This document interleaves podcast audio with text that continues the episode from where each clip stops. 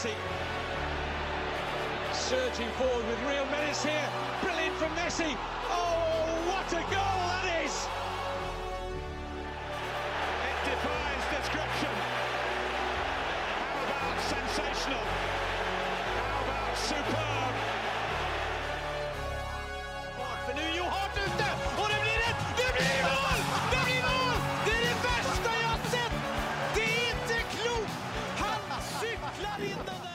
Ja da, velkommen til episode 214 av den magnifike fotballpodkasten 90 minutter. Med meg i studio har jeg som van eh, Søren Døpkers. Hallo, hallo?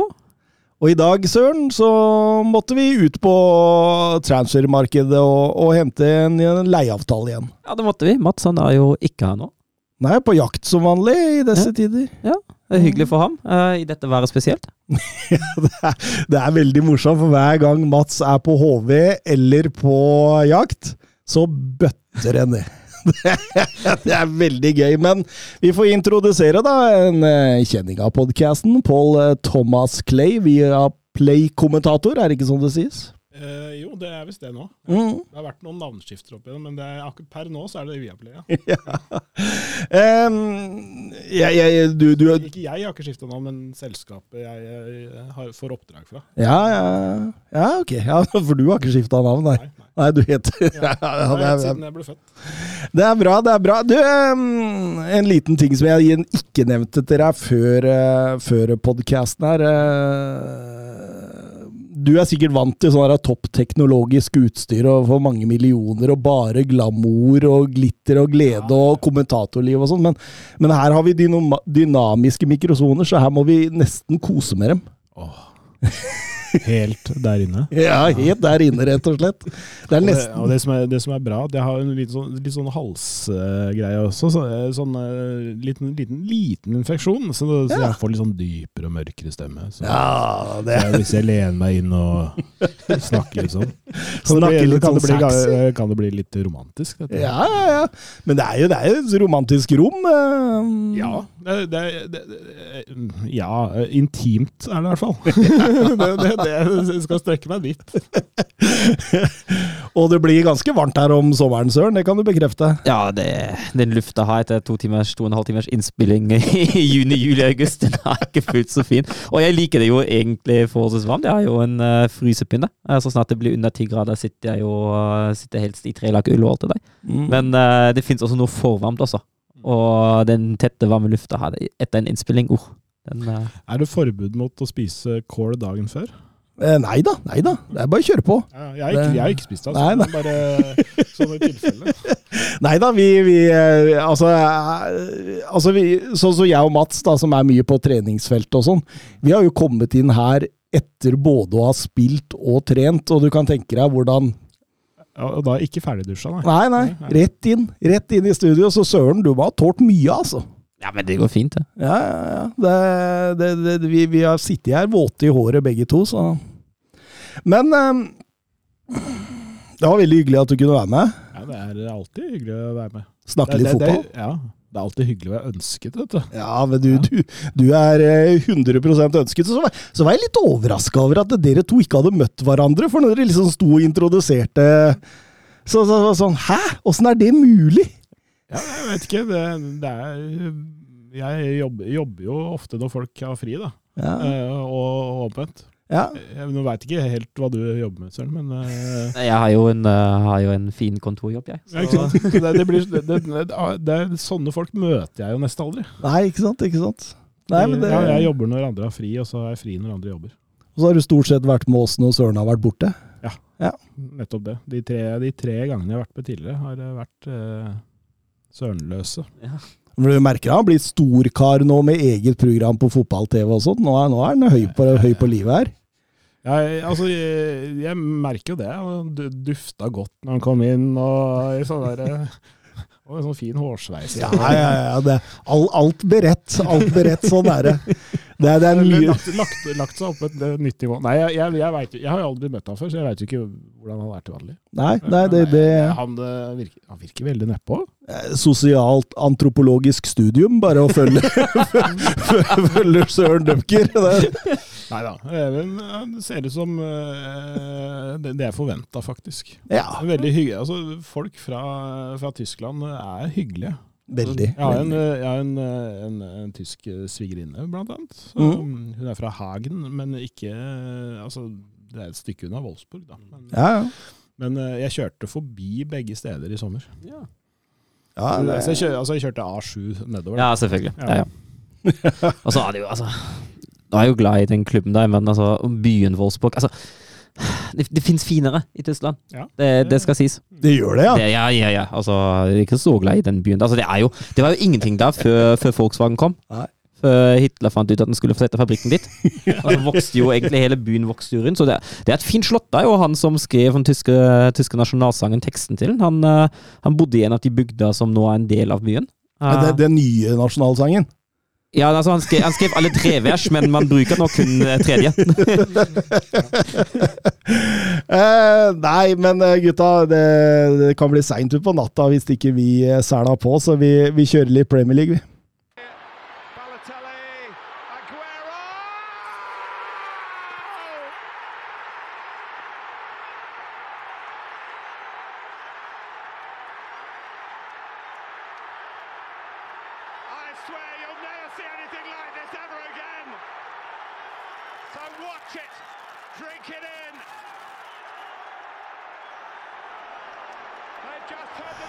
Ja, og vi kan begynne med Liverpool sin eh, 1-3-seier borte på Molyneux. Um,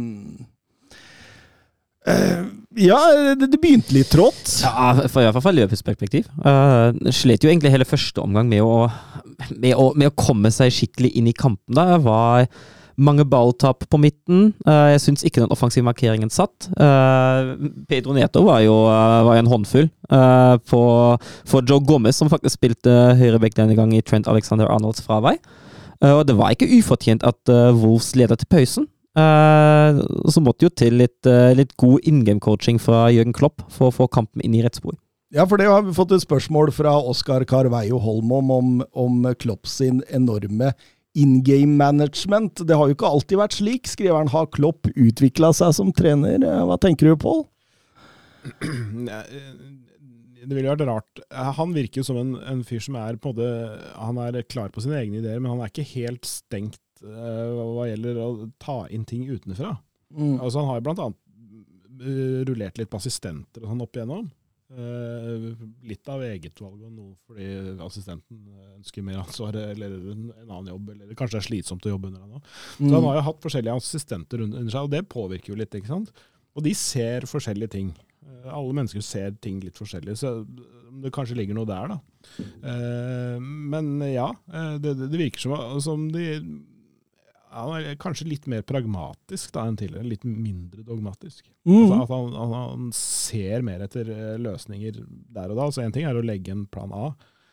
Det snakket vi litt om før du skrudde på den røde knappen her. At, eh, at det er trenere som da eh, leser spillet, og ikke leser spillet. Eh, Jeg skal ikke nevne hvilken. eh, det kommer kanskje til seinere. Men, men, men altså, det er, jo, det er jo også en av mine kjepphester. da.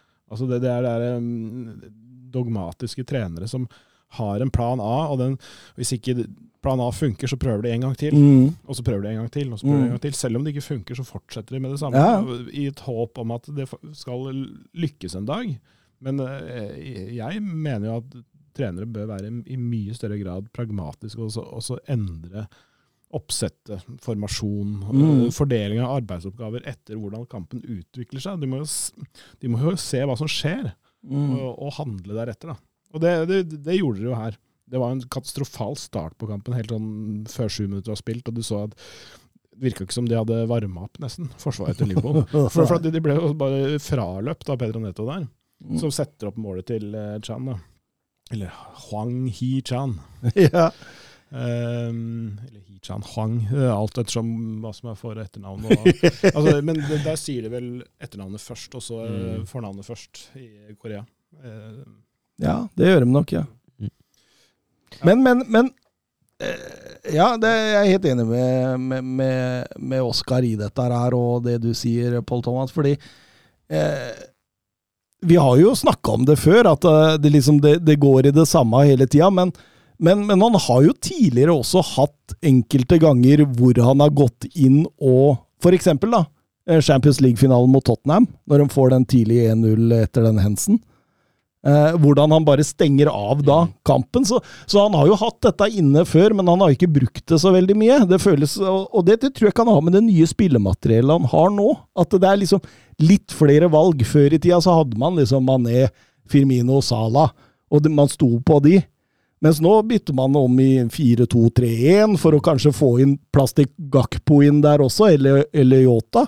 Og, og, og ha flere sånne strengere å spille på. da. Det, det er jo dette som på en måte snur og vinner kampen for Liverpool her. Ja, helt klart. Eh, og det å trekke Sjoboslei ned eh, i, i McAllisters posisjon, egentlig, mer eller mindre. Uh, og der styrer jo Szoboszlai hele pakka. Eller hele showet. Les en statistikk at i andre omgang har han vel 49 pasninger inn i siste, siste tredjedel av banen. Mm. Det er mer enn ett per minutt. Det er, det er helt spinnville tall, det der. Uh, og den kampen han har i den litt dypere posisjonen på midtbanen altså han, han eier jo midtbanen i, i andre omgang. Ja, Tønna skriver til oss på Twitter her, uh, har Thomas hørt noe fra sin uh, gode venn Soboslai om hvordan han trives i England? jeg, du, skjønner, jeg er en Jeg har vært Soboslai-fan siden Salzburg-tida, egentlig. Siden uh, jeg det er forståelig. ja, jeg, jeg, mange som har vært ute og sagt ok, 70 millioner, det er eh, mye penger for og sånt, men jeg mener jo at eh, altså, dette her er altså, Han kommer til å glede Anfield-publikum i mange år framover. Det er bedre, det er bedre investering i en eh, Leipzig-spiller enn det mm, det var med Timo Werner, i hvert fall. Eh, Og, og med navi navigator, for den saks skyld. Ja, ja. For, for, altså, men Timo Werner har omtrent samme summen, tror jeg. Mm. Sånn, med, med, kanskje med fotballinflasjon på toppen. Da. Ja. Men, altså, men jeg er helt enig. Maken til elegant spiller. da. Mm. Og så, så er han jo høyreist, og liksom han har overblikket. og Du ser at han skanner og liksom gjør alle de der moderne tingene som vi har begynt å snakke om de siste par åra. Um, grunnen til at han eh, altså, eller det, det at han dropper ned MacAuser gikk ut, ikke sant. Uh, MacAuser var litt, litt sånn dau, uh, Mm. men det har litt sammenheng med at han har spilt landskamp på et helt annet kontinent bare noen få dager før. Ja. Da. Og, så det å ha, ha tilbake søramerikanere, så skal de nullstille seg på tre dager med sju-åtte tidssoner eh, imellom, det, det er ganske krevende. Mm. da, også, eh, han er jo et menneske, han òg, McAllister. Og så er det viktig, da. Liverpool snur dette her. De eh, viser i annen omgang at de har på en måte det der toppnivået inne som har gjort at de har blitt ligamestere, at de har vunnet Champions League. Altså det, det har de fortsatt inne, selv om det fortsatt varierer noe voldsomt. da, og Hvis man på en måte senker bunnivået her, og, og, og, og få mer av det man så i annen omgang, så, så kan jo Liverpool bli en contenders for, for Premier League-tittelen i år, tror jeg. Ja, helt klart. Og så altså, tenker jeg at dette har en kamp som de ikke hadde vunnet i fjor. Med, med den formen de var i fjor, hvordan de framsto i fjor. Uh, det hadde blitt maks ett poeng. Trolig kanskje til og med null. Mm.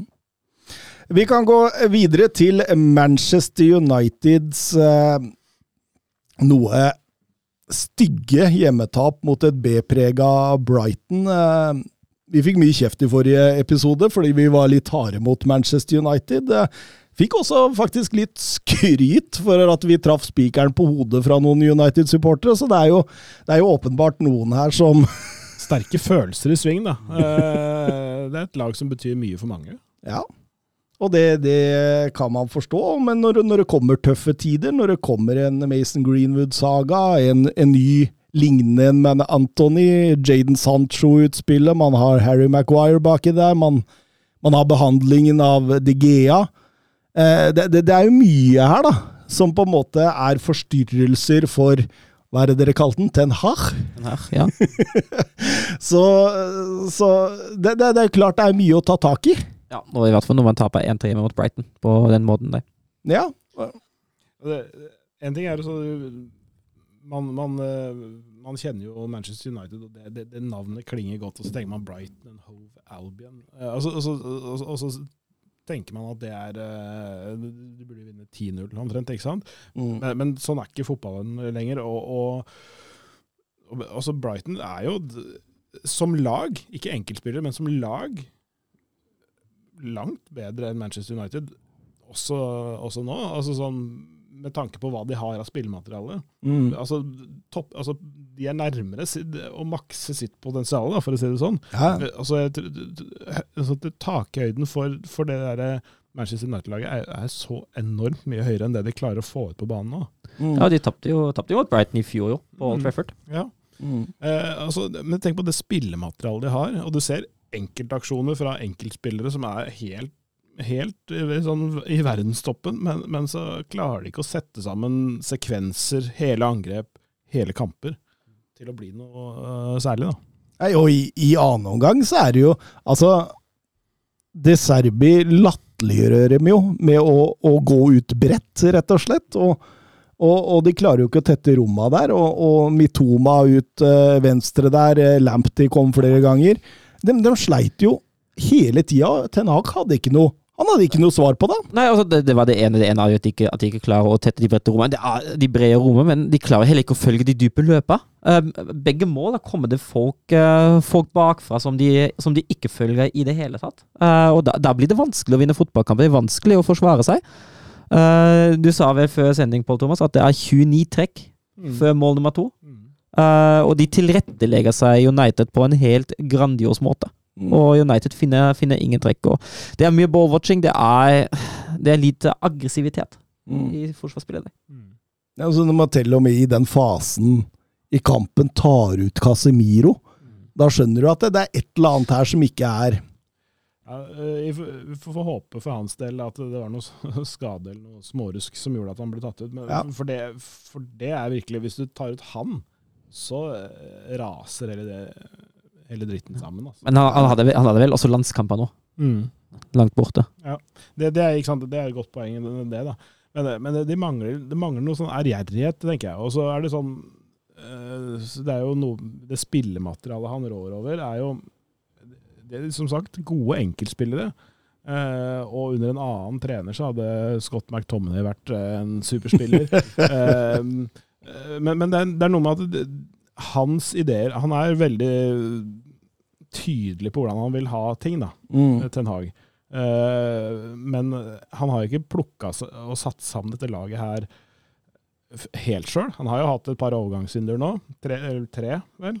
Mm. Uh, så han har jo forma det no, i noen grad, men det er et eller annet med det er ikke bare han som setter sammen, det er jo som sportsdirektør et, et, et apparat der som også har en jobb å gjøre med å, eh, med å eh, fjerne spillere som de ikke vil ha lenger. Ja, som de ikke klarer. Ja.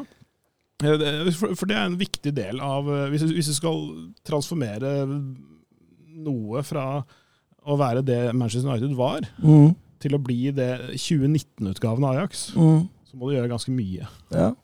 Veldig Ja, ja. mye. For, det- for, for, det, er, det er det folk blir blendet av da, når du tenker på Ten Hag. Det det er nettopp de der eh, gode utgavene av lag han har trent tidligere. Og, hvis, hvis, hvis han ikke har verktøyene til å gjøre det, så, så blir det noe annet. da. Det blir en utvanna variant av det. og du, du ender opp med å gi spillere oppgaver de ikke mestrer. Ja, ja, vi kommer litt tilbake til de verktøya seinere. Vi har fått en del uh, spørsmål rundt dette her. Men, men, men Gustav Horndal det er en uh, fast lytter. Jeg tror faktisk han er A-sertifisert gjennom Uefa, så han er ganske oppegående fotballkar. Og, og når han skriver et sånt spørsmål som han gjør, da tenkte jeg ok, dette må vi snakke om. For han skriver Hva er planen til Erik Ten Hag i etablert angrepsspill? Hva er filosofien her? Jeg klarer ikke å se hva han forsøker på etablert. Nei, og det, det er et veldig godt spørsmål. For altså at I den kampen han mot Brighton så det ut som at den eneste planen var vende opp Rashford og la Rashford finne på noe. Ja, Isolere ja, Rashford yes, mot én ut yes. på venstresida. Yes, den, den ser du. Ja, og så får, og så får han enten gå ned mot dørlinja og legge inn, som på den uh, skåringen som blir annullert mot Høylund, eller så, eller så får han trekke inn og forsøke sjøl, som han også gjør en del ganger. Men det, det er sånn det eneste faste trekket som de har. Vi har vært inne på det mot Arsenal. Uh, som har vært en, en inngang til en kamp. Uh, du sa vel uh, i som fra Solskjær-tiden, Thomas, og det stemmer jo helt det, at man, man legger seg defensivt og egentlig bare satser på kontringer. Så det var jo ikke noe avansert offensiv plan der heller. Man kan jo begynne å lure hva, hva som egentlig er, er tankegang bak det nå. Ja, men eh, Paul Thomas, du som har fulgt Ajax eh, nøye. Eh, når denne La oss si 2019-utgaven av Ajax som holdt på å ende opp i en Champions League-finale.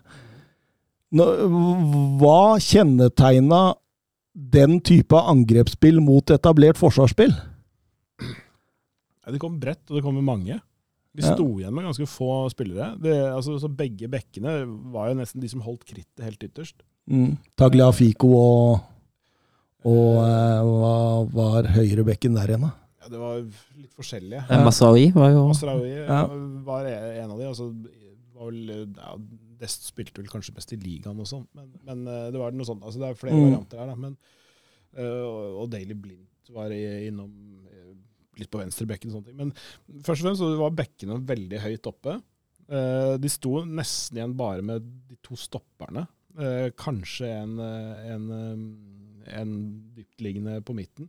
Gjerne ikke det heller. Mm. Eh, og, da, og da får du det, det, det endte opp med at du så at de spilte med en altså den fremste, Det som lå trykka på backlinja til motstanderen, var en fire-fem stykker. Som Mm. lå he, på hele linja. Og når du, først, når du da har en offensiv midtbanespiller, så har du fem valg Mm. for å, slå inn, altså for å bryte gjennom det siste forsvarsrekka. da. Men, men, men, men det er jo litt det vi kjenner i, i Pep Guardiola, i, i Jørgen Klopp. eh, altså Man nesten transformerer formasjonen til en 5-3-2 Nei, 2-3-5 offensivt. Ja, nettopp det. Og det, det det de, og, de, og de tre på midten, det var, det var jo gjerne to av de var offensive. ikke sant? Altså, så det, bare, var egentlig bare en treer, som, en liten trekant som sto og forsvarte i midten. Mens, Mm. For, at, for da, da tetter du på en måte Hvis du blir kontra på det, så har du i hvert fall tre stykker i midten der, og, og, og du bruker du, du har nok tid til å sende, eller fylle ut på siden igjen. ikke sant? Så du, Mm. det er en sånn eh, en sånn tanke om at uh, ja, det er en viss risiko i det, men det er samtidig så tjener du så veldig mye mer på det. da. Så hadde du spillere som Donny van de Beek, som var veldig god på å, å, å løpe inn rundt bak en spiss. da. Ja, sånn Lampard-løpa.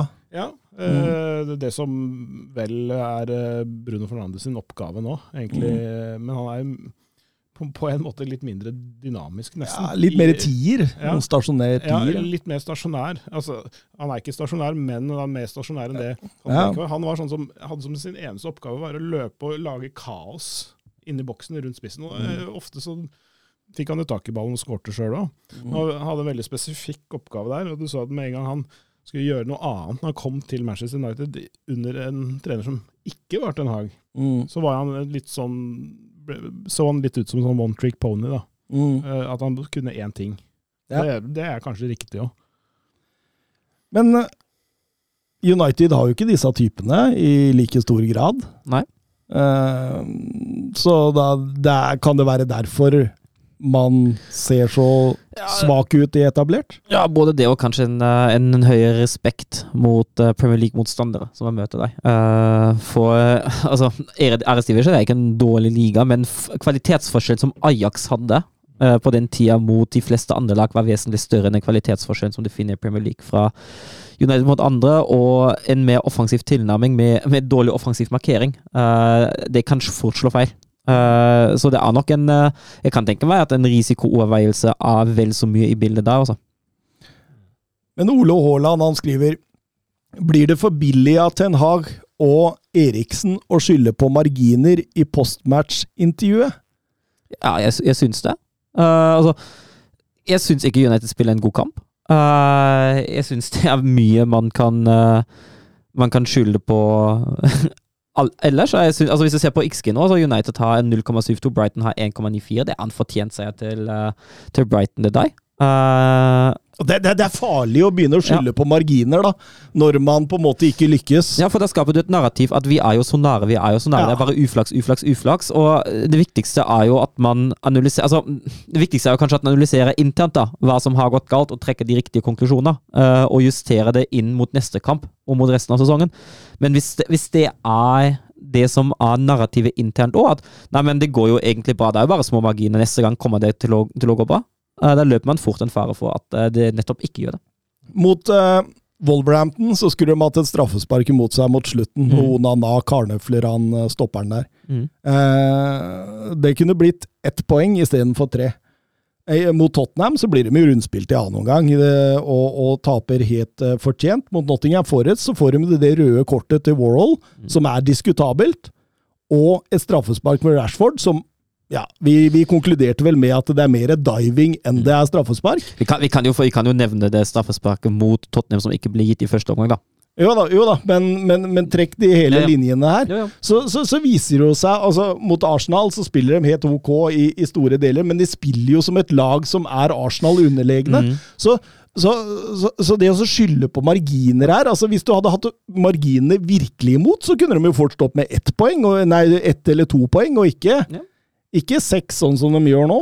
Så Så er de på de fire siste kampene målforskjell på fem skårede og ti innslupne. mm, Eh, Det er ikke tilfeldigheter, det heller. ikke sant? Altså, altså det, ja, én kamp kan være litt sånn. Én kamp kan være det. mm, Kanskje to også. Men når det er tre og fire, så er det et, så er det et problem som stikker litt dypere. da. mm. Jeg, og jeg tror det er, er mer mentalt enn noe annet. Ja, Ja. Det har vært mye, det har vært mye utenomsportslig rot også. altså Du skal ikke glemme det oppi det hele. En, eh, en Greenwood-situasjon med diverse pressemeldinger og, og sånn. Og så er det Anthony etter hvert, eh, som er tunge saker, enten du oppsi er på den ene eller andre siden av, av de eh, der. Altså, Mm. Det er jo Mm. Og det, det vil jo prege gruppa, hele stemninga, alle ansatte i den klubben der. Fansen òg. Og hvis, hvis man ser på marginer, altså hvis man ser på expected points, da, så er United på 6,74. ja. Så de har-. Det, det, det er, det er cirka de skal være. De skal kanskje ha ett mer. Mm. Men det er, det, er, det er ikke mange marginer som, uh, som skylder på at de ikke ligger vesentlig høyere opp, altså. Nei, det er, nettopp det. Det er, det, er, det er ikke tilfeldig at de ligger der de gjør. Altså de har ikke prestert bedre, men eh, ja, altså, de må gjøre noe med, med både kanskje måten de løser ting på, uh, in game coaching som vi snakka om, Uh, ta de rette valgene, sette opp de riktige spillerne, gjøre justeringer når du ser at det ikke funker. Mm. Altså, ja, Casemiro, eh, Rashford-linken, den så jeg, den, den funka jo et par ganger. Mm. Uh, Det er avslutning til Rashford som på en måte gjør at om det blir eh, en suksess eller ikke, men de ser at de prøver det litt for ofte. Mm. Ja, ja, fordi, men, men, men det er jo fordi Rashford er stort sett den eneste fremover i banen der som leverer. Ja. Ja, Men eh, Rasmus Høylund, da, som er en annen, litt mer sånn rett fram-spiller, litt, litt mindre sånn sikksakk-spiller, Mm. eh, hva gjør de med å bruke styrkene hans? Mm. Ikke sant? De gjør ikke det i en stor nok grad. Nei, gjør ikke det. Eh, kommer bekkene tilstrekkelig godt etter, kombinerer de godt med midtbanespillerne. og sånn Diogo Dalot og McTominay på høyresiden der. Ja, det er det. Er, Det, er, det lukter jo ikke krutt. det gjør ikke det. Altså, altså, hver for seg gode, gode nok spillere til å spille på et høyt Premier League-nivå, men det er ikke, kombinasjonen er ikke bra, ikke sant? Vi, vi fikk et spørsmål fra Magnus Nygaard. Han la det ut i, i eh, PM før vi la ut denne spørsmålstråden. Eh, Det var langt og, og litt sånn innvikla, men jeg skal prøve å forklare det. Han legger ved to eh, Twitter-poster, den ene fra Gary Neville og den andre fra Amin Askar. Gary Neville slakter eierskapet i klubben og gir den mye av skylda for det som skjer på banen nå. Mens eh, Amin Askar går mer på det som skjer ute på banen. Eh, han skriver seigpining å se Brighton drive formasjonstrening på Old Trafford. Frie fugler mot tvangstrøyer. Samhandling mot individer. Utvikling mot kapital. Og, og spørsmålet her, da, hvis dere klarer å henge med enda, det, det, er, det er todelt. Eh, Vi kan ta det første først. På hvilken måte er eiere ansvarlig for det som skjer på banen mot Brighton? De er jo ansvarlige på den måten at de ansetter, eller har det øverste ansvaret for ansettelsene av de sportslige ansvarlige i klubben. Eh, de ansetter, eller de, de må ved sin, sin godkjenning av, få ansettelse av trener, av trenerteamet, eh, og de er vel også involvert, eller gir penger til, eh, til kjøp av spillerne. Det er, det er det sportslige ansvaret jeg ser hos eierne. Så det betyr at det er det, som skjer ute på banen der, at de har ikke noen vold... Altså, så lenge du spytter inn med midler, Ja. du henter en verdensklassetrener, så, så på en måte så har de ikke noe overordna sportslige ansvar på sånn det som skjer ute på Ja, altså, banen. altså med, mindre, med mindre det er noe sånn at uh, er treneren vil ha den ene spilleren, så presenterer de en helt annen. da. Uh, I sånn her prisklasse med for en helt annen spillertype. Uh, så, sånne greier, da. Men altså, jeg tenker at deres sportslige ansvar er tilrettelegging for Mhm. de sportslig ansvarlige, for de som kan faget sitt. Jeg føler at ansvaret egentlig mest ligger deg. Så du, du ansetter eh, sportsdirektører og, og, og, og sånt for å hjelpe treneren til å finne de rette spillere, og så pøser du ut med midler, og så satser du på at det skal gå. Ja, og så korrigerer du hvis du, hvis du ser nødt til det, da. Men ja, Mm. jeg, jeg mener at det er da ansvaret til eierne ligger først og fremst sportslig. De legger jo føringer og, og rammer for det som skjer på banen, som dere, som dere sier. Og det, er, det, og det er jo det er jo Det må jo tas gode avgjørelser allerede fra eierne om å ha riktige folk på rett plass. da. Eh, og det er en administrerende direktør og en, da en sportsdirektør og kommersiell direktør alt det greiene der. Mm. Kommersielle har du åpenbart truffet på, for de tjener jo penger som gress fortsatt. Mm. Men, men, eh, men, det, men det er jo antakeligvis da eh, dårlig samstemthet da, mellom det sportsdirektøren Eller jeg vet ikke hva slags kompetanse det er Murto, er det det? Ja, altså, jeg, jeg, jeg skjønner Og det, det er kanskje noe av problemet her, for jeg skjønner ikke helt strukturen der. Er det David Harrison? Er det John Murtog? Er det Darren Fletcher? Hvem Ja. er det som har Ja, ikke sant? Det, det, en ting er jo at det ikke er tydelig nok. Mm. eh, ikke sant? Og det, det, det i seg sjøl skaper jo, i hvert fall for omverdenen Jeg vet ikke hvordan det er internt. Det, kan, det er også sånn, Vi kan sitte på utsiden og mene mye, men jeg vet ikke hvordan det er internt. da. Mm. det, at det er klare linjer, hvem som har siste ordet i diskusjoner og sånne ting. Og så må jo da øh, det apparatet funke først, og så må, må jo da de ansette riktig trener opp mot det materialet de har. Mm. Og hvis de ikke har det, så kan de fortsatt ansette den treneren, men da må de gjøre noe med det materialet han har. da. ja, ja. Ikke sant? Eh, Og da må de selge spillere som de ikke skal ha, og så må de beholde spillere som de skal ha. Og kjøpe nye som de trenger. Ikke sant? Og det er, Ja. det er flere ting. Men til syvende og sist, så igjen Er du en god nok fotballtrener, sånn totalt sett, så er det også pragmatisk nok, og så har du taktisk bredde oppi hodet ditt til å lage et system som får det beste ut av de du har til rådighet. Mm. Og det gjør det ikke nå. Nei, absolutt ikke. Og, og, og Erik Ten Hag han har også fått svidda rundt 500 millioner euro på disse ja, er 13-14-15 månedene han har leda laget. Altså, Det er voldsomme summer, så du, du, du må jo på en måte ha kommet et stykke, da. Ja, altså, tenk, altså det, det som jeg syns er så skremmende nå, er jo at det ser så mye svakere ut enn det gjorde i forrige sesong nå. Eh, for det, altså, det var ikke sånn, altså Han startet jo på nytt i forrige sesong, og det var jo en svak start, da, men da overtok han på en måte helt nytt lag og bygde veldig mye om. Veldig mange sentrale spillere som forsvant ut, og alt det der. Men de fleste sentrale spillerne som spilte i den kampen, de var jo på plass fra før. Mm. Og det er jo spillere som nå har, har hatt den som manager i ett år og litt til, og som bør egentlig kunne det systemet der. Så, så at, det, at det er så dårlig nå, det syns jeg er bekymringsverdig. Men, men, men videre da, så sier han men hva er det som gjør da at Brighton lykkes så godt med innføringen av spillemønster og filosofi, med en svakere økonomi og svakere stall? det, det, jeg, har, jeg er jo så fan av det, av det, det Brighton gjør. Eh, jeg mener at det, det å ha en klar filosofi i en klubb uh, Gjennomsyra gjennom ja. yes. Ja. Det er akkurat det. Uh, det. Det er utrolig mange klubber, oppfatter jeg i hvert fall sånn fra utsida. Det kan igjen hende at det er annerledes på innsida, men utrolig mange toppklubber òg er fryktelig dårlig på det, føler jeg. Uh, vi har jo hatt, vi har snakket litt om, uh, om Leeds, som, uh, som gikk fra Jesse March til Daniel Farke på et år. Den berømte røde tråden. Yes, ikke sant. Eh, og den er jo så til de grader til stede i egentlig alt det sportslige som, eh, som Brighton gjør. At det er, har en klar spillestil, en klar spillefilosofi.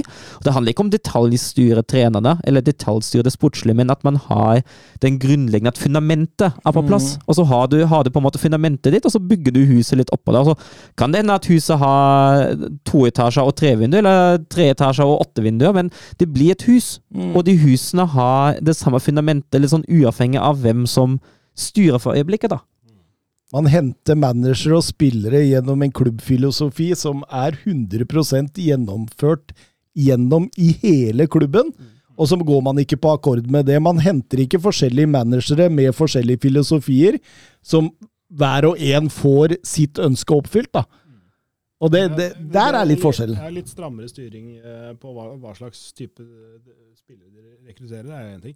Jeg tror også de Dette er bare en gjetning fra min side, da. Men jeg tror også de går etter personligheter, altså typer, mennesker. Eh, At de gjør et arbeid også, øh, gjør et grundigere arbeid når de også ser på hele mennesket, på en måte. Mm. Typer. De hadde ikke Altså- henta Antony, liksom.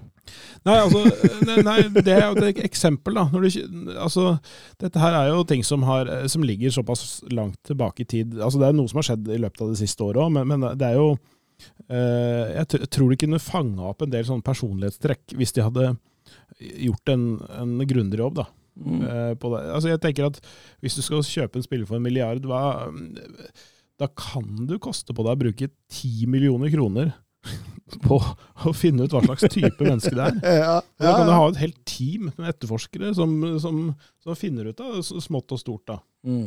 I, selvfølgelig er alt innenfor lovens rammer. og sånne ting. De skal ikke hacke seg inn på computeren til folk. Og, så, altså, det, det, det, noe, noe skal være privat, da. Men, men altså, de skal jo du kan, du kan reise rundt hele verden rundt og snakke med folk som har vært Mm. med disse spillerne i forskjellige situasjoner.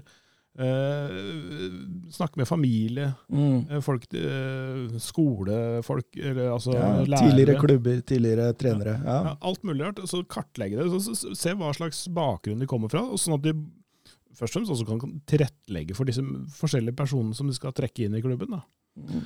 Eh, hvordan de takler press, hvordan Men, sa, men samtidig også et godt poeng at det er lettere å gjøre dette eh, i Brighton enn det er i Manchester United. For i Manchester United er det et mye større press.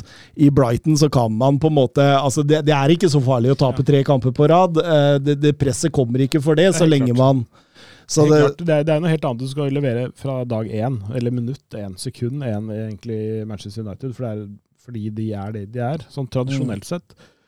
Men så er det sånn, det, det er et eller annet med å se seg sjøl i speilet og vite hvor du er hen i dagens fotball. da. Mm. Um, og det er sånn, en sånn uh, greie som mange sånn tradisjonelle storklubber egentlig ikke er, er spesielt gode til. For det er sånn vi er Manchester United, eller vi er AC Milan, eller ja. vi er uh, Gladbach, for eksempel. Sånn. Ja, ja. Ja, men også sånn, også, Men Gladbach er jo en klubb som også har slitt med å finne seg sjøl, da. ja, ikke sant? Voldsomt. Ja, for, for de, var, de var jo en gang en, en klubb som hadde stor, en høy status, ikke sant?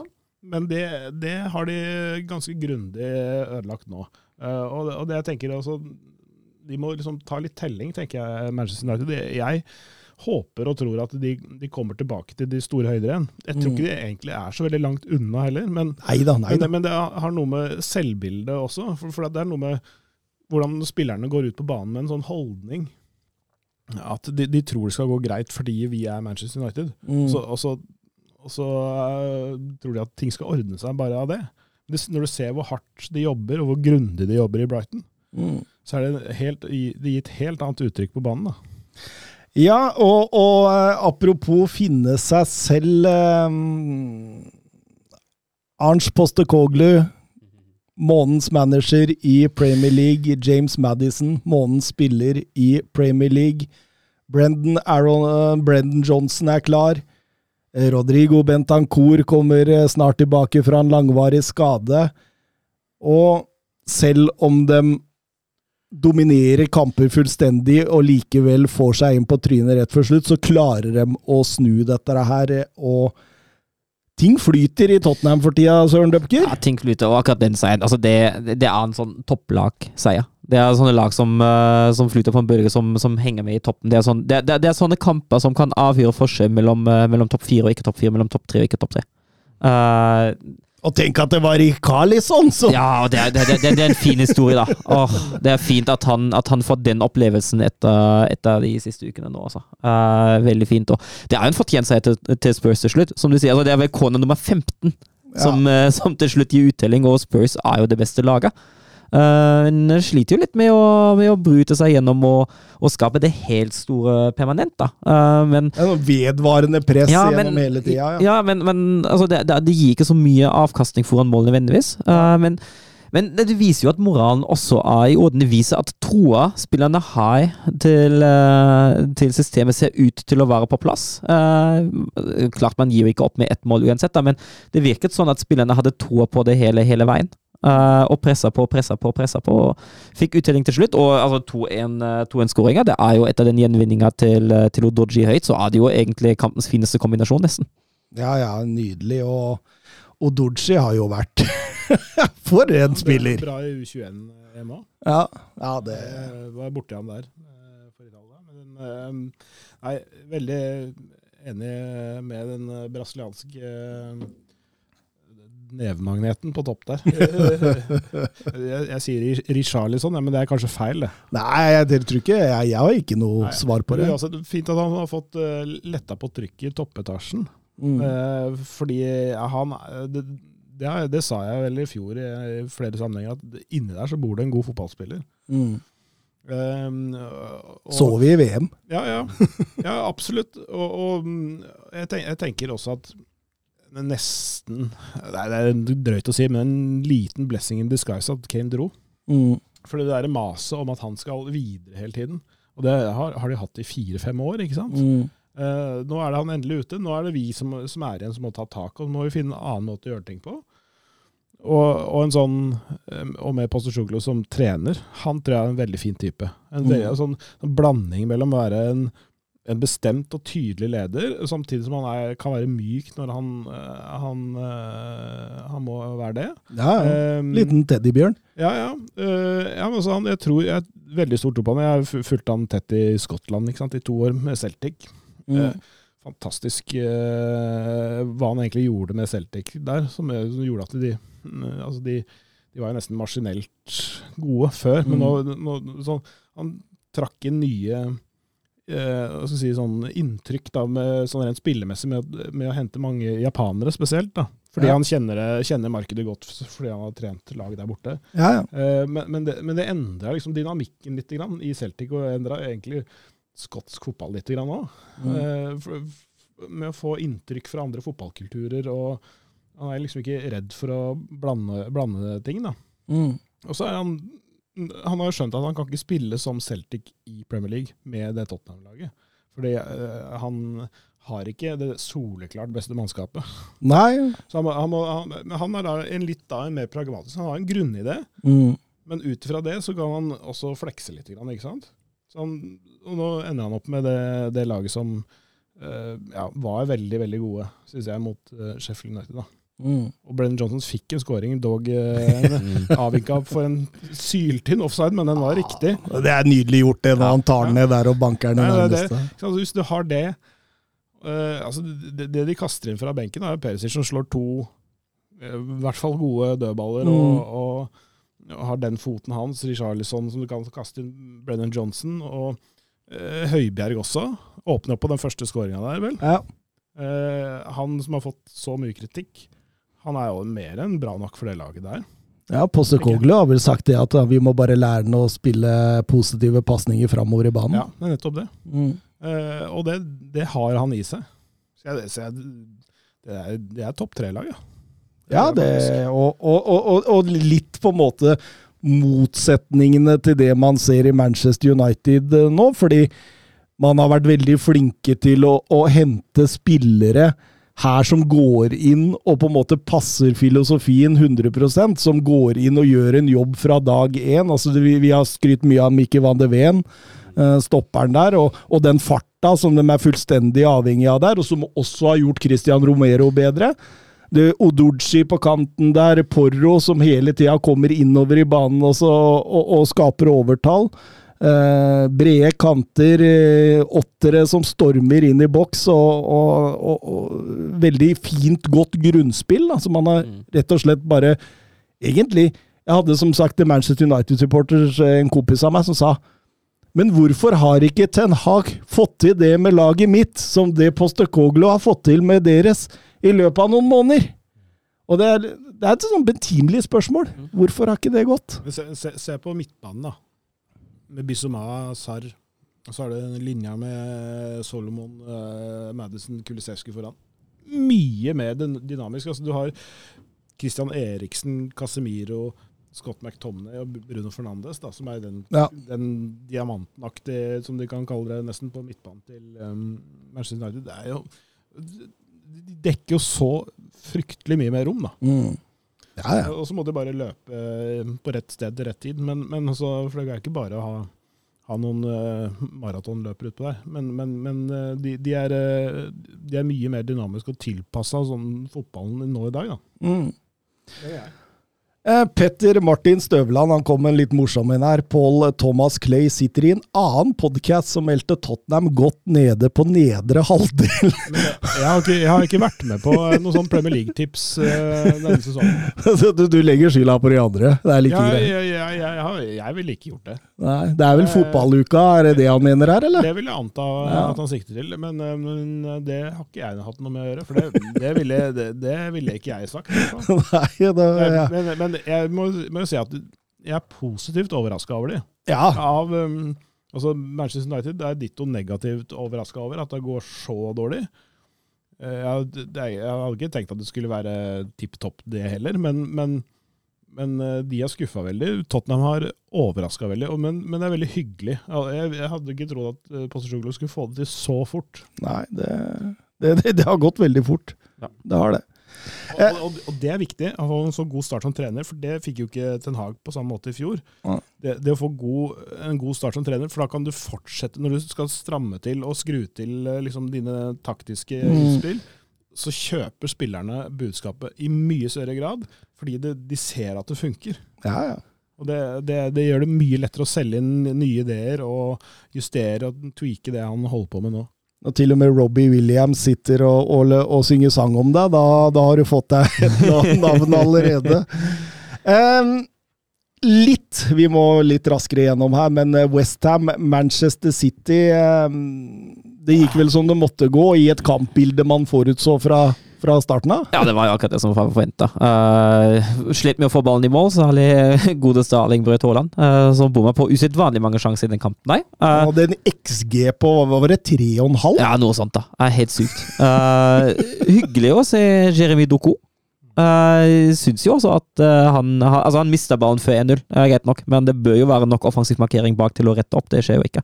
Mm. Men uh, han, er jo en, han har jo en direkte impact i kampen og, og står egentlig bak veldig veldig mye som City skaper. Og utligner jo sjøl og det er jo en fortjent seier til City. Uh, presset på Westham, uh, særlig i andre omgang, særlig når de, når de går til pause med, med 1-0, da, uh, Westham. Uh, da blir presset på dem altfor stort. Uh, og det, det var egentlig bare et spørsmål om tid når de måtte gi, gi etter for det presset der. Ja, veldig imponert å dukke også. Altså, det er sånn, jeg får håpe for Citys del eh, at, at han holder seg skadefri. For det er det som har vært problemet hans eh, tidligere. Diverse skader, men spesielt eh, mye som går på sprintmuskulaturen hans. Han er helt eksepsjonelt eh, rask, og ikke minst startrask. Ja. Du ser også på skåringen hans, hvor det er en annen ferdighet han har, men det er også en sånn kjapphetsfaktor i det. Det er hvor, hvor kjapt han rapper til. Mm. Ja, det er ikke en sånn lang baksving med foten og, og, og lene seg til siden og bøye den lengst. Han, han har nesten ikke noen sånn pendel på foten før han skyter. Ja. Ja, og det ser ut som at City, altså Guardiola, bevisst går inn uh, Endrer litt, da, Uh, for å få styrken hans og for å få ham litt mer isolert i én mot én. For City er egentlig veldig vant til å, til å overlåde litt i det venstre rommet der. Uh, men jeg syns ikke de gjør det i den kampen der. Jeg syns de, de er med obs på å vende opp mot venstre. Og det er egentlig ikke så ofte som de pleide å gjøre før. Nei, det er, det er helt klart. Det, det, det eneste jeg satt underveis der Jeg tenkte hvorfor Jeg forstår ikke hvorfor de skulle tråkke seg inn i den blokka til, til Westham hele tida. Altså, det var Altså, Westham stengte sentralt i banen. Fullstendig i formasjonen de sto i. Altså, det, det, det var rom på kantene, men likevel så skulle de inn gjennom det der, ah, altså, de to pressa der. Den blokken med, med Zuma, Gerd, Edson Alvarez og Solsjek der Ja. Er- Og der skal du gjennom! Ja, Ja, er, den er lei. Altså, du må, jo- det du må gjøre Noe som også de fikk utdelingen da, med Doku, det er jo det, det, de går bredt istedenfor, og, så- Mm. og, og, og strekke det litt, så det sprekker der inne. Så du får den åpninga og kan trene inn. Du må være uhyre presis selvfølgelig for å få det til. Men det funka, da. Ja, fordi altså, altså 1-2-målet der, det som på en måte Ah. altså, for, det, det kommer jo egentlig gjennom en feil Mm. av Gære der, som, Mm. som feilberegner litt, og så Og eh, Karakteristisk. Mm. Ja. Ja. Så det, men, men, men det blir eh, 3-1-seier til Manchester City, og det var eh, greit nok, det. Vi går over til Bournemouth mot eh, Chelsea. Eh, Ja, vi, kan, vi kan jo egentlig begynne med spørsmålet fra Kasper Ruud. Eh, Ja, hva? Tennisspilleren. Jeg kunne sagt Viktor Haaland nå, fordi han har et voldsomt navn. Kasper, Kasper Viktor Ruud Haaland. Ja, ja. Eh, han, eh, så ikke tennisspilleren, med andre ord. Balltalent, da. Sannsynligvis et balltalent, dette her. Jeg ser da, på, på Twitter-profilen sin, så har han en fotballspiller som angivelig er han. Mm. Så det kan godt hende det er noe vi får høre om i, i framtida. Men han lurer på om Porcetino får nok tid, han. Det er jo det som er spennende med Todd Bowley, da. Eh, om han gjør det. For altså, det ser jo litt uh, altså, når, vi kan, når vi kritiserer United, så kan vi også kritisere Chelsea. Uh, forskjellen der er jo at Pochettino sitter jo kanskje i en situasjon som Erik Ten har satt i, i forrige sesong, da. Uh, med, med nytt lag som man må overta, og litt ny komposisjon, ny komposisjon av deg. Ja, og, og noen hull. Ja, noen hull. eh, definitivt. Og jeg, jeg, altså, jeg tenker jo eh, eh, En spiss en ekte, en ekte goalgetter der inne. Men dette har vi masa om siden Ja, men, ja, ja, men altså, i den kampen her, den vinner de. Uh, 2-3-0, 2-3-1. Uh, hvis, de har- hvis de har en god spiss der inne. mm. Hvis de har en spiss som, uh, som setter, som setter målet. At de ikke gikk for Vlavic, da de hadde muligheten, er jo Jeg, jeg skjønner det ikke. Altså, det, det, det de har som sin nier, da Det, det er jo nier-curse i Chelsea. Det er jo så, Mm. det er, det er vel eh, ja, Drogba var liksom kanskje, og Diego Costa for så vidt, da. Men, men eh, bortsett fra det så har de ikke hatt noen skikkelig gode niere der. Eh, Jackson som de har, har hatt en sånn halvgod sesong i Villarreal. Ja, du kan nesten ikke kalle han en nier sånn han opptrer, liksom. Nei, nei, men, nei, altså, men det er jo den de har i den rollen. Og så har det Mudrik og Stirling, da. Mhm. Som går ut bredt der. Og så har ja, Fernandes vel som ligger bak der, sånn Eller Conor Gallagher. Ja, ja. Nå, nå skal Bytte litt at på, ja. Neto gjorde et par ganske ålreite redninger, da. Mm. Eh, Spesielt på eh, Colwell, nei ikke Colwell, men Gallagher, som eh, Ja. hadde Mm. og var sånn helt sinnssyk redning. Ja. Så jeg vet ikke, Det var vel noe XG der som talte i favør Chelsea. Jeg, jeg, jeg tror den er forholdsvis jevn, altså. Men eh, Chelsea, Chelsea vant ikke skin litt. eh, men eh, det, var, det, var ikke så, det var ikke så voldsomt mye Ja, de forskjell. fikk, fikk et par muligheter på slutten, eller mot, i andre omgang i hvert fall. Stemmer det, men, men altså, altså, Men- men- altså, er de litt marginer ut da når Stirlings frispark går i tverrliggeren, og så klasker han på streken, og så går han ut, da. Men, men Chelsea her, de har jo handla for framtida her. Mm. De har ikke handla for å vinne Premier League denne sesongen. Det, det, er de, det er vel de neste åtte årene, når kontraktene, når kontraktene går ut. Ja, men, men, men det kan jo være litt av problemet til, Post, øh, til ikke Postekoglu, men til Pochettino. Mm. At øh, det man har handla for altså, altså, Hvis du ser på de spillerne som har kommet inn, la oss si i sommer, da, så er det altså Lavia, Palmer, eh, Jackson, Ogwoshukwo, Washington, Angelo Altså, det, dette er jo bare spillere som liksom på en måte Altså, det, de ligger litt foran dem. Mm. Og, og, og, og det er jo Altså, de kjøpte ikke Madison fordi han var over 25, Mm. sies det, og sånt. Og det, det, det har vært en plan, da. Og da, med en sånn plan, som jeg, jeg egentlig synes er grei i og for seg, så må du også ha tid. Ja, så, så klart. Og når du ansetter Pochettino, må du også gi inn tid. Uh, det som var jo litt uh, Altså, vi får jo håpe at Wally kanskje har lært, Eh, men situasjonen er jo lignende som under Potter, da. Mindre, Du ansetter jo en uh, konsepttrener der òg, og så gir du en, eh, altså, og så gir du en først, sier først den skal få tid på langvarig kontrakt og alt det der. Uh, og så uteblir resultatet, og idet det spillemessige begynner å bli litt bedre og begynner å sette seg, så gir du en sparken. Eh, så for Pochettinos del, og egentlig også Chelseas del, håper jeg jo at de har lært fra det. For jeg, jeg tror at på sikt med Pochettino kan det bli veldig bra.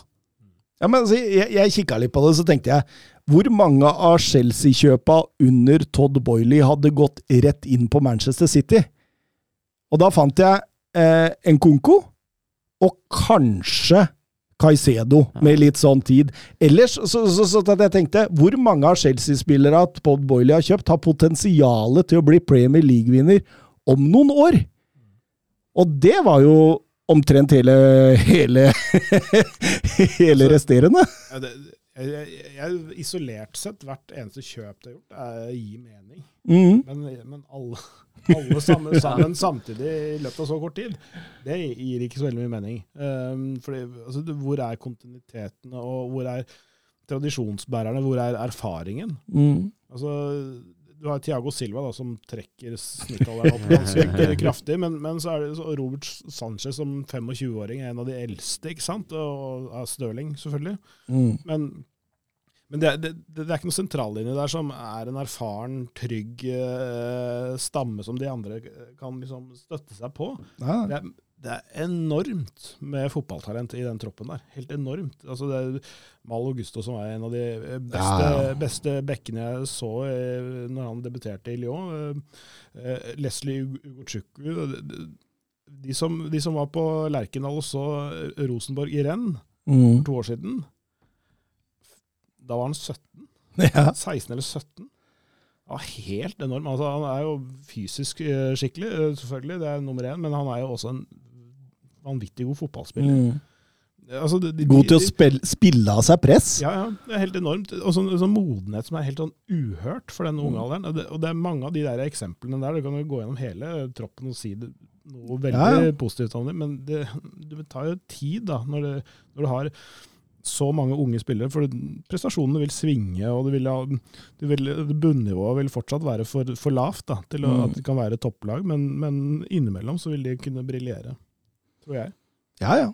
Eh, så for framtida, hvis de setter dette i system og, og gir tid til Pochettino, og, og liksom ikke regner med at nå, nå skal vi vinne Premier League om, om ett til to år, så, så, så kan dette på sikt Altså, jeg, jeg, jeg Topp fire om to år, tenker jeg. Ja, ja.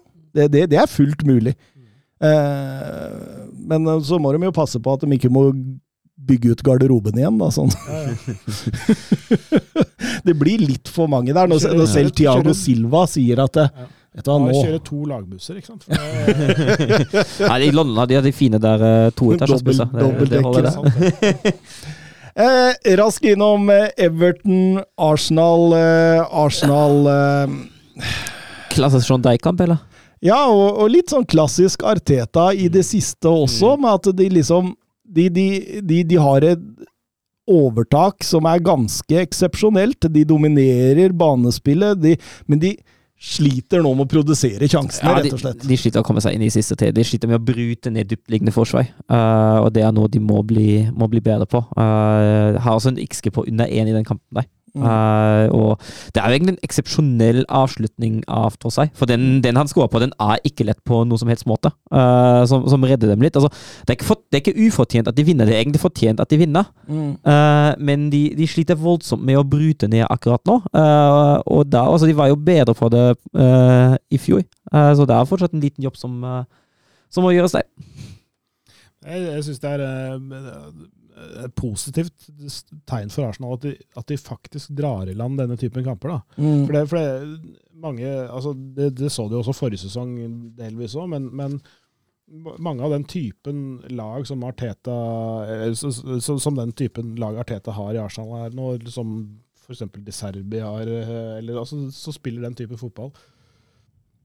Noen ganger når det kniper, når, de, når motstanderne har funnet ut av hva de driver med, Mm. og skjønt greia, så, så finner de så, altså, og ligger sånn dypt og konservativt som det Everton gjør, så sliter de med å få uttelling. Og da sliter de med å komme til målsjanse, og da får de ikke den flyten i spillet som de er vant til.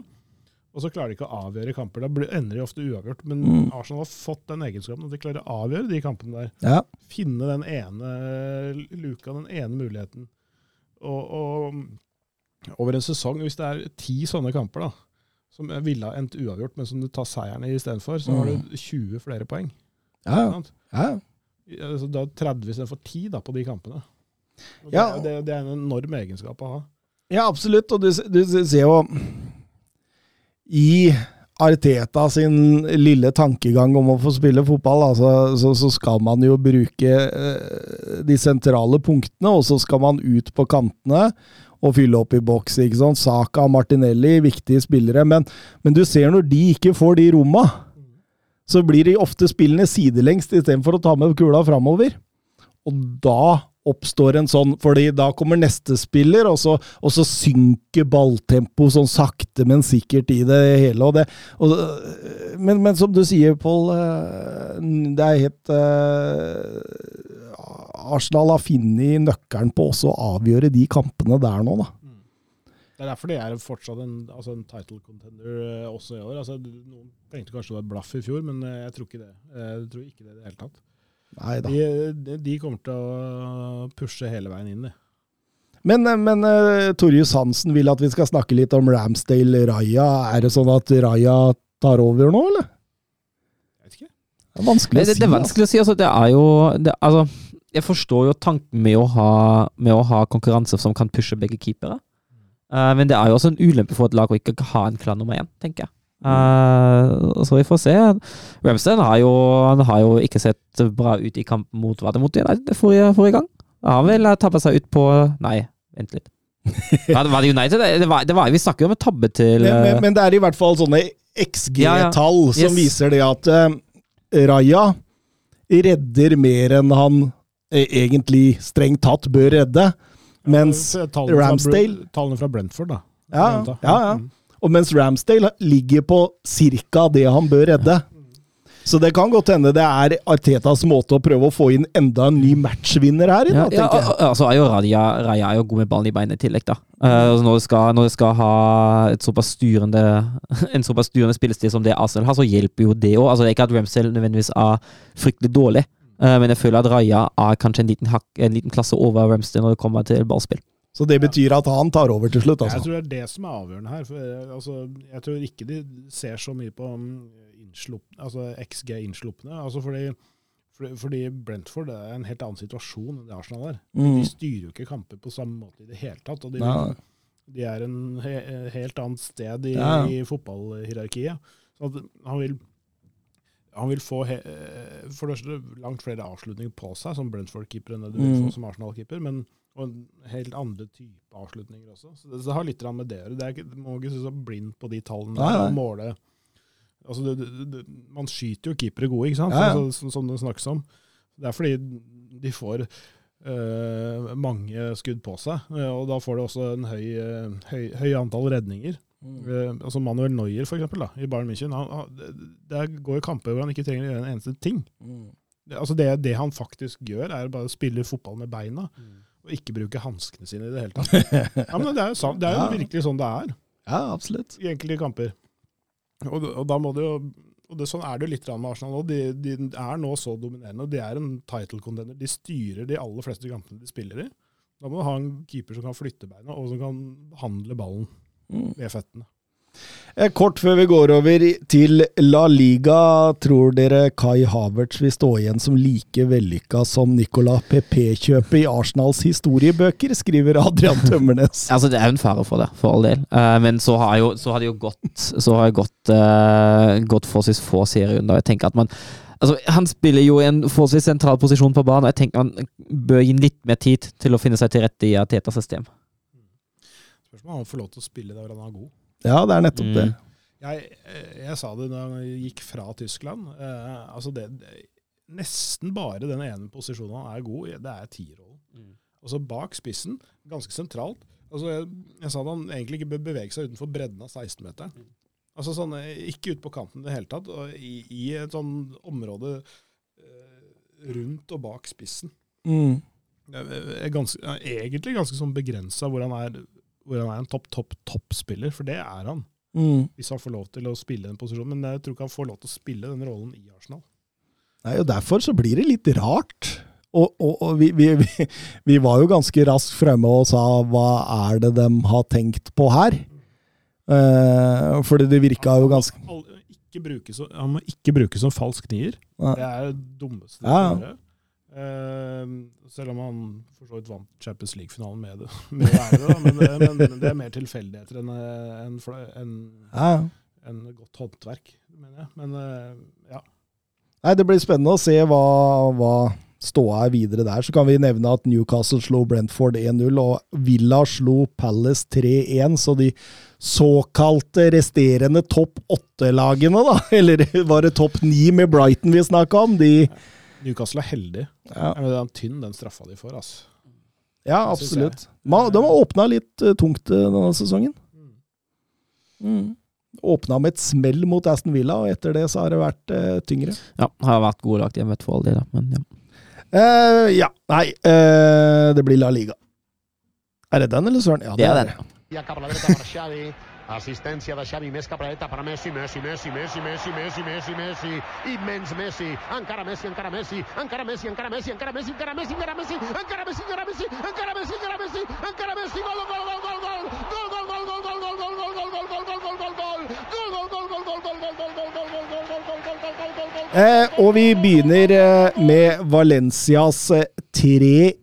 0-massaker av eh, Atletico Madrid. Hva skjer der? Der går de fra 0-7 seier mot Rayo Vallecano til 3-0-tap mot Valencia. Det ja, og, så, og så, så, jeg ikke ut i den kampen heller. Det Atletico drev med deg, er fryktelig kamp. Altså, det, er sånn på, sånn Simione på sitt verste.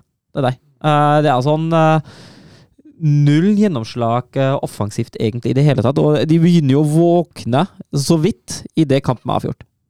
Og det er en fryktelig kamp for Atletico. Det, der. Og jeg, ja, det er voldsomt sprik i prestasjonen. Nå skal de jo ut i, i Champions League denne uka her. Og det blir spennende å se hvordan de presenterer seg der.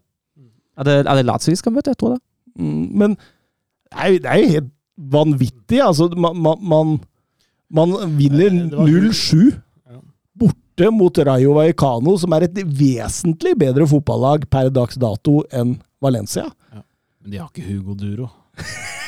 Eh, nei, det var han som gjorde det dårlig. Nei, det, det, ja, det, det er veldig rart.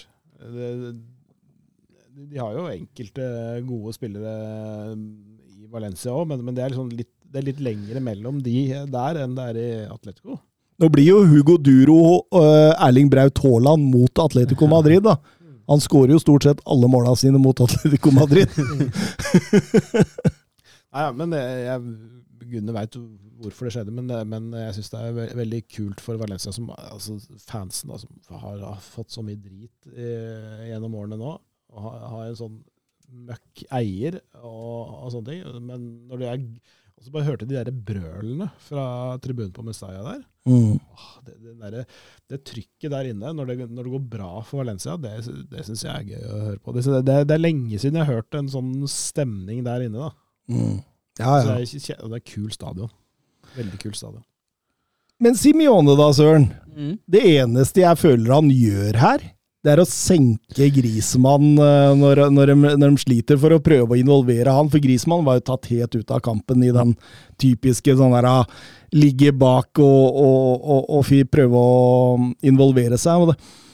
Eh, det, det, det virker jo nesten som Simione her også tok ferie, da. Ja, det gjorde de jo sånn, men uh, nå har han jo aldri vært uh, den manageren som plutselig finner opp kruttet på nytt offensivt heller, da. Uh, det skal jo sies. At det, det, er jo det er mest på defensiven han vinner kamper, og når tilnærmet starter kamp med å ligge under 0-1, og når ingenting fungerer offensivt, og når forsvarsspill egentlig ikke får tjene betegnelsen heller seinere i kampen, så, så blir det vanskelig for ham, fordi han Nei, altså, han, offensivt off, altså Den der offensive greia og offensive tilnærming og endringer underveis i kampen, det er ikke hans greie. Jeg tror det aldri kommer til å bli det heller.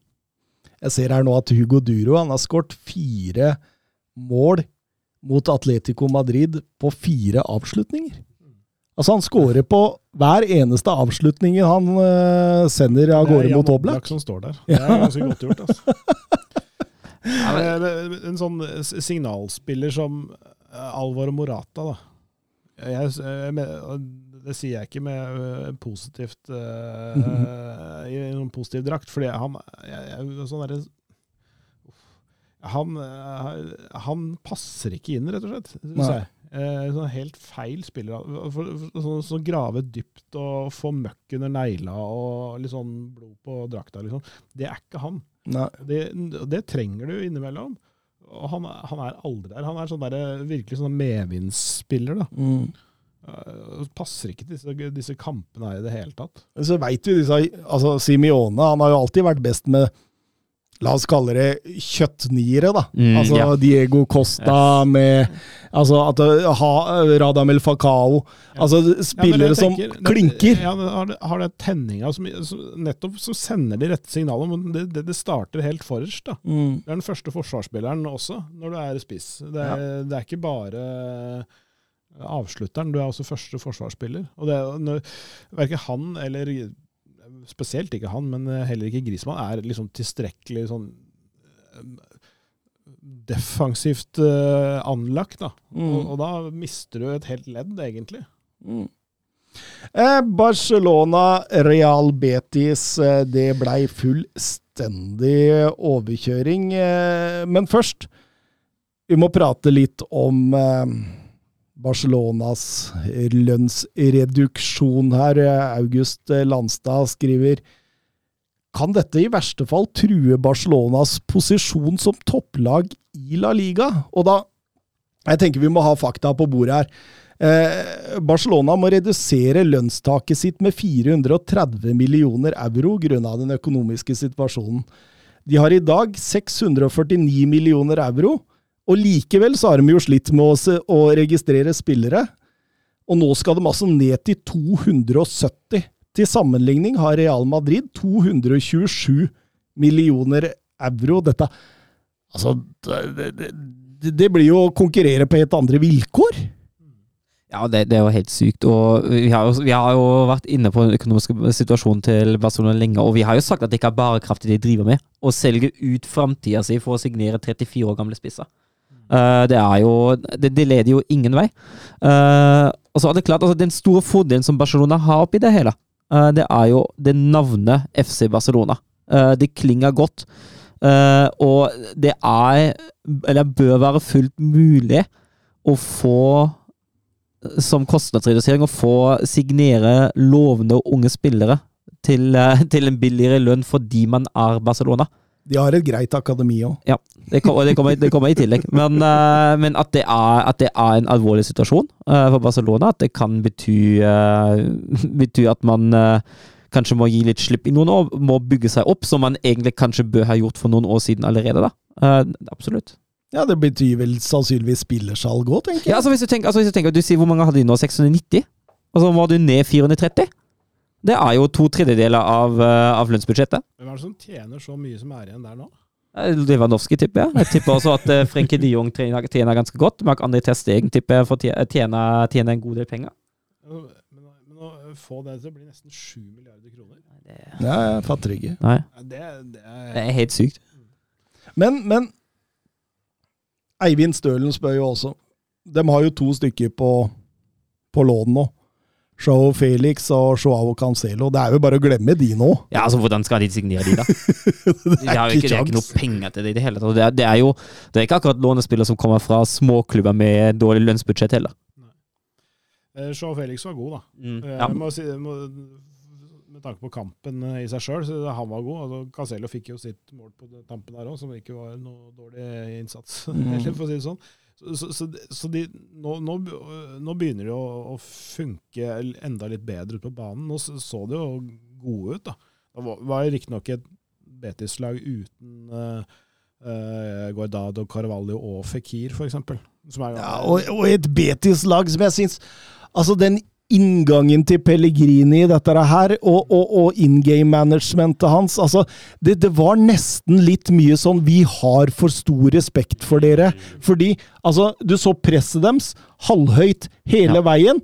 Så, så, så kom første press, og så kom midtbanen, og så sto Forsvaret igjen og var livredd for bakrommet. Eh, skjønner ikke hvorfor det, egentlig, for det var jo ikke noen voldsom bakromstrussel i det. Altså Lewandowski, Felix og, og Ferran Torres, ja. Så hvorfor man ikke klarer da å skyve hele opp Altså, at de, de danna seg et sånt stort, stort mellomrom mellom eh, forsvarsleddet og midtbaneleddet, som Barcelona angreip gang på gang på gang på gang på gang. Og dette kommer av at eh, Veldig ofte da, så, så, så sitter en trener i en garderobe og sier at sånn og sånn og sånn skal vi gjøre det. Og så kommer man ut på banen der, og så ser man Felix, man ser eh, Lewandowski, og så taper man de to-tre første duellene. Eh, mektige kamp nå, eh, alt det der. Og så, og så, og så, fall, så, er det, så er det ett av ledda her som ikke er med. De faller de tror ikke på hva man driver med. Og så får du det der mellomrommet der. Og Ja. det, det, det er jo det som gjør at de taper kampen her. Ja, det er jo det. Uh, klapper jo fullstendig sammen etter hvert òg. Uh, så Ja, nei, det det er klart at uh, Der blir det tungt. Men ehm, Endre Tengren. Når Betis gjester Barcelona, skåres det alltid mye mål. Spesielt av hjemmelaget, skriver han. Siste fem oppgjørene har Barcelona skåret fire eller fem i samtlige, foruten i 2021. Og da var de overraskende tapte 1-0. Hvorfor sliter Betis i slike kamper? Vanligvis har de jo et høyt toppnivå. Ja, og det kan jo være veldig mye av det du er inne på, da. At man, eh, man har for mye respekt for Barcelona som klubb. eh, at, man, at man drar dit Altså, det, det kan være en fin selvforsterkende prosess òg, at man drar dit og leser de statistikker i forkant. eh, og, og tenker det med en gang at å, farken, i dag blir det ekstra tungt. Det kan spille inn. Så er jo Barcelona borte er jo altså Når et Barcelona-lag eh, finner sitt toppnivå, Eh, så er jo ikke det, ikke det noe å kimse av det heller. Samtidig er jo Betes et lag som ligger litt sånn i det sjiktet bak de aller beste i Spania, så det er litt lettere for Barcelona eh, å motivere seg og ta den kampen på alvor, heller enn når man møter Cádiz eller Almeria hjemme, kanskje. Så det kan være en god blanding av det der. Så, så, så kjenner jeg at vi skulle ha Mats Granvold her nå, for han har et favorittlag, det er Barcelona, og så har han et sånt lag han beundrer, og det er Betis. Så, så han hadde vel sikkert hatt noen klare meninger på dette, hvorfor Betis sliter så der. Men ja, altså, jeg, jeg, jeg skal ikke skryte på meg at jeg husker de fire andre kampene Endre snakker om her. Det, jeg ser såpass mye fotball at det, det blir fort historie i mitt hode, men i denne kampen her så er, det, så er det for mye respekt, og spesielt da fra forsvarsleddet, fordi de må stå etter skal det der, der fungere. Og jeg veit ikke hva inngangen til Pellegrini har vært, for hvorfor var det første pressleddet Hvorfor var det ikke helt oppe? Altså, jeg, jeg, jeg, jeg, veit ikke, altså. Nei, det, er, det, det er helt åpenbart. Han, en så erfaren fyr som det der, vet jo at du ikke kan ha et halvhøyt press, eller i hvert fall ikke hvis ikke hele laget følger med. Nei. Altså, du må, du, må, altså det at det blir en, en gap der mellom midtbanen og forsvaret, f.eks., det, det er jo ikke etter planen. Uh, og det er helt sikkert at han ønsket å få til noe, og så lystra ikke spillerne. Og det og så, men er det da å justere det igjen, da? Enten Mm. må du heve forsvaret, eller så må du Ja. senke laget. Ja, av laget. det er en av de to. Ja. Og da må, da må du se det, identifisere det og, og gjøre noe med det. Men kanskje det ikke er så lett. Altså, det er jo Ja, altså, men- mennesker de utpå der òg, så det er, ikke, hvis du ikke har den, den erfarne på midten der, da, du mister jo ganske mye erfaring med Mm. både Carvalho og Guardado for eksempel, ute fra den sentrale midtbanen der. Og og ha noen som styrer det hele, som, som står midt i, eh, midt i det, på en måte, til å se det. For du må også se det ute på banen. Men, men rett etter Joao Felix-målet der, da, da burde det gått opp et lys om at her, her får vi i hvert fall prøve oss å senke oss litt, og så kjøre litt mer på overganger. Men, eh, men, men litt morsomt. eh, Joao Felix er den åttende spilleren i La Liga som skårer mål for både Atletico Madrid og Barcelona på 2000-tallet. Eh, spilleren. ja, jeg, jeg, jeg tenkte ta en liten quiz. Ja. Hvor fort tar dere de sju andre som har skåret mål for begge disse klubbene Griezmann. på 2000-tallet? Ja. Memphis Depay. Luis Suárez. Yes. yes, tre. Uh, må jeg tenke litt der. Eh, Det blir verre nå. Depay, Griezmann og Suárez, har dere sagt, ja? Mm. Så er det fire til. Eh, ja, med Felix, da. Så, Ja. Nei, eller er det uten Felix? Skal vi si. Nei, Du har En, åtte stykker, så da Ja. har vi fire. Ja. Uh, Det er tøft, da. det er en tyrker her inne. Arda Tora. Å, den kom fort der, da. Ja, det var ikke så vanskelig når du sa det. Nei. Eh, To uh, ganske legendariske spisser. Spanjola? Eh, en argentiner og en spanjol. Og ja, selvfølgelig, selvfølgelig. Og en spanjol, ja. Ja. David Villa? Nei? Ja, ja, ja. og da sitter dere igjen med den vanskeligste, den jeg tenkte at eh, her måtte jeg tenkt litt. Luis Garcia, Ja, okay, gamle. Liverpool-spilleren, har også gjort det. Vi, vi, vi må gå videre. Ehm, ja, forresten.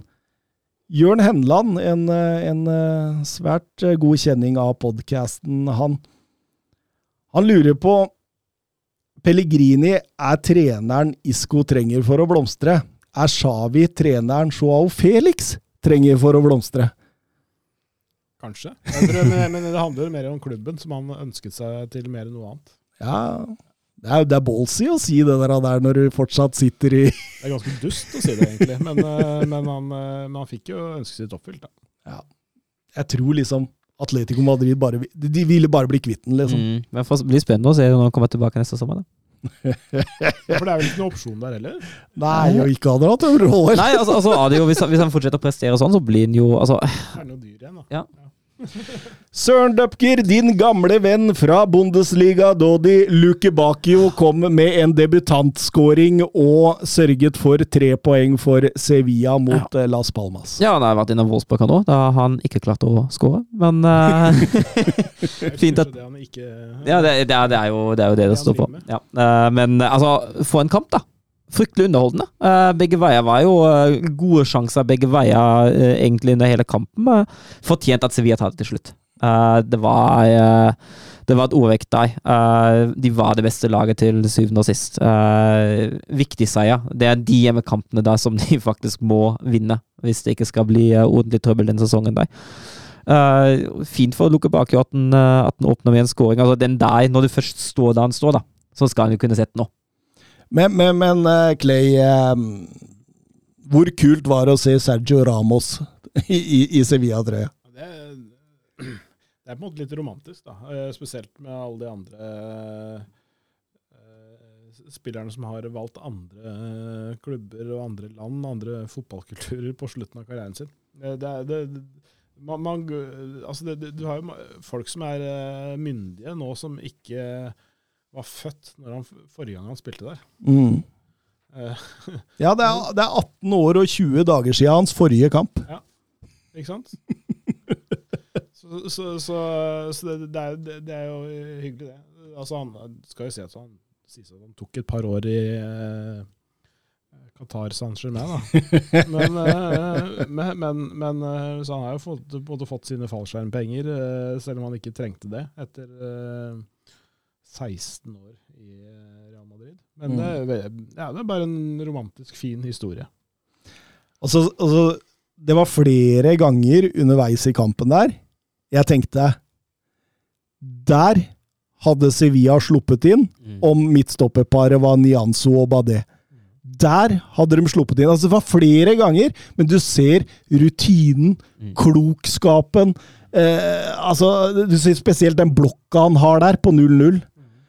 Åh, det, det, Der hadde Sevilla ligget under 0-1, og så hadde man sannsynligvis tapt kampen. Men isteden nå, med en sånn signering, med Sergio Ramos tilbake der, så vil de kunne grinde ut disse her istedenfor å tape dem. Og det kommer til å gjøre at Sevilla i hvert fall ikke kommer til å ligge og kjempe om nedrykk, som man gjorde i store deler av Det, det betyr noe for han òg, ikke sant. Det, det, den der faktoren at, at du spiller mer med hjertet og ikke bare for en stor pose penger. Ja, ja. Det har, det har mye å si. Altså, altså, en ting er erfaringen hans, at han har et sjukt høyt nivå, og han har hatt det i eh, mye lenger eh, Eller hatt det mye lenger enn det mange andre no, noen gang har klart, egentlig. Mm. Uh, det konsistente toppnivået hans, det, det, glemmer man ikke. Eh, så selv om noen, noen egenskaper liksom blir litt dårligere med årene, så er det Erfaring blir aldri dårlig. Nei. Det går ikke ut på dato. Se Tiago Silva i Chelsea, det er jo Mm. Hva han har gjort der. Um, Real Madrid, Real Sociedad, storoppgjøret fra La Liga denne runden. eh, Ja, det er en Real Madrid som slow-starter igjen. Ah, gjennom den hele første omgangen Ja, ja, det er helt katastrofe. Uh, den venstresida, hvor åpner de? Uh, altså, altså, Fran, andre Garcia han har, ikke en, uh, han har ikke en god defensiv omgang, ja, en god omgang i det hele tatt. Men Tony Kroos òg. Altså, han, han etterlater så mye rom som uh, Fran Garcia på en måte må beskytte dobbelt. da. Og da blir det vanskelig mot en spiller som Kobo. Og Real altså, de har den store ved Joselo etter et kvarter som setter han uh, i tverrliggeren på åpen mål, men ellers er Real heldige at de bare får én i sekken til pause. altså. De er det. Og så i likhet med Klopp, så Angelotti går inn til pause der, har sett laget underprestere og trykke på noen knapper, og, og man kommer jo ut som et helt annet fotballag. Et mer samla fotballag, et mer kollektivt. Der ser du at det, nå nå får ikke Kobo de romma. Nå får ikke Oyar Sabal herje eh, i mellomrommet. Nå er det heller et lag som står sammen, og, og, og rett og slett viser Altså, det, det er en liten sånn maktdemonstrasjon dere må gjøre i annen omgang. Ja, det er det. Og så har de jo snu kampen på den måten der. eh, når de har vært såpass underlegne, direkte underlegne i, eh, i første omgang der. Og Franga sier han får seg en revansj. Han har jo assist på både 1-1 og 2-1. Uh, herlig for ham. Uh, fin pasning på 1-1, og det innlegget på 2-1, det er strålende. Det er strålende slått. og det blir jo til slutt en, altså det blir jo på margin igjen da for Real, og det har jo vært sånn hele sesongen så langt. egentlig, så Nå står de med full pott, men det har vært veldig mange marginer som har, som har Ni av poengene de har, Mm. har de faktisk vært under i, fra løpet av matchen. Og det, det er jo den kvaliteten òg, å komme tilbake. For all del. Eh, Jonathan Hobber eh, skriver til oss eh, man snakker om 4-4-2-diamanten til Angelotti som er satt opp for å spille på styrkene til Bellingham, men virker jo også som Valverde drar stor fordel av det kontra som ren indreløper i 4-3-3. Og det har vi jo snakka om før, hvordan Valverde i en 4-3-3, han trenger rom, så det blir litt for lite rom for han, og så at han stort sett har vært best når han har vært ut høyre. Men, Men han er ikke noen kantspiller heller. Det er? Ja, men- hva, hva er han, da? Ja, men det, han, er, han er det han er nå. Altså, han er en hybrid mellom eh, Kall det en kantspiller og en indreløper. Mm. Altså, Som trives nettopp i det rommet der. Altså, når, du, når du ser på liksom, nonstoppen på taktikktavla nå, så er det, sånn, er det Tony Cross som er ute av posisjon. på en måte. Ja, Men, men, eh, men ellers så, så, så tror jeg de tror jeg det, Du får det beste ut av Valverde, du får det beste ut av Bellingham, og du får også kanskje det beste ut av Chouameni også. Man kan eh, rote litt i, Mm. i maskinrommet sjøl. Så det, egentlig så er dette, denne formasjonen her egentlig kun negativ for Venitius junior. Det vil jeg nesten, nesten si. Mm. For, det for han, han kan ikke ta plassen til Kroos der. altså Det må jo være Rodrigo i så fall. da. Ja, ja. Og så kan du jo alltid spille med en skeiv formasjon. så du må ikke liksom alt, trenger ikke være fullstendig balansert heller. Sånn, eh, Litt sånn Erik Den Haag gjorde i helga.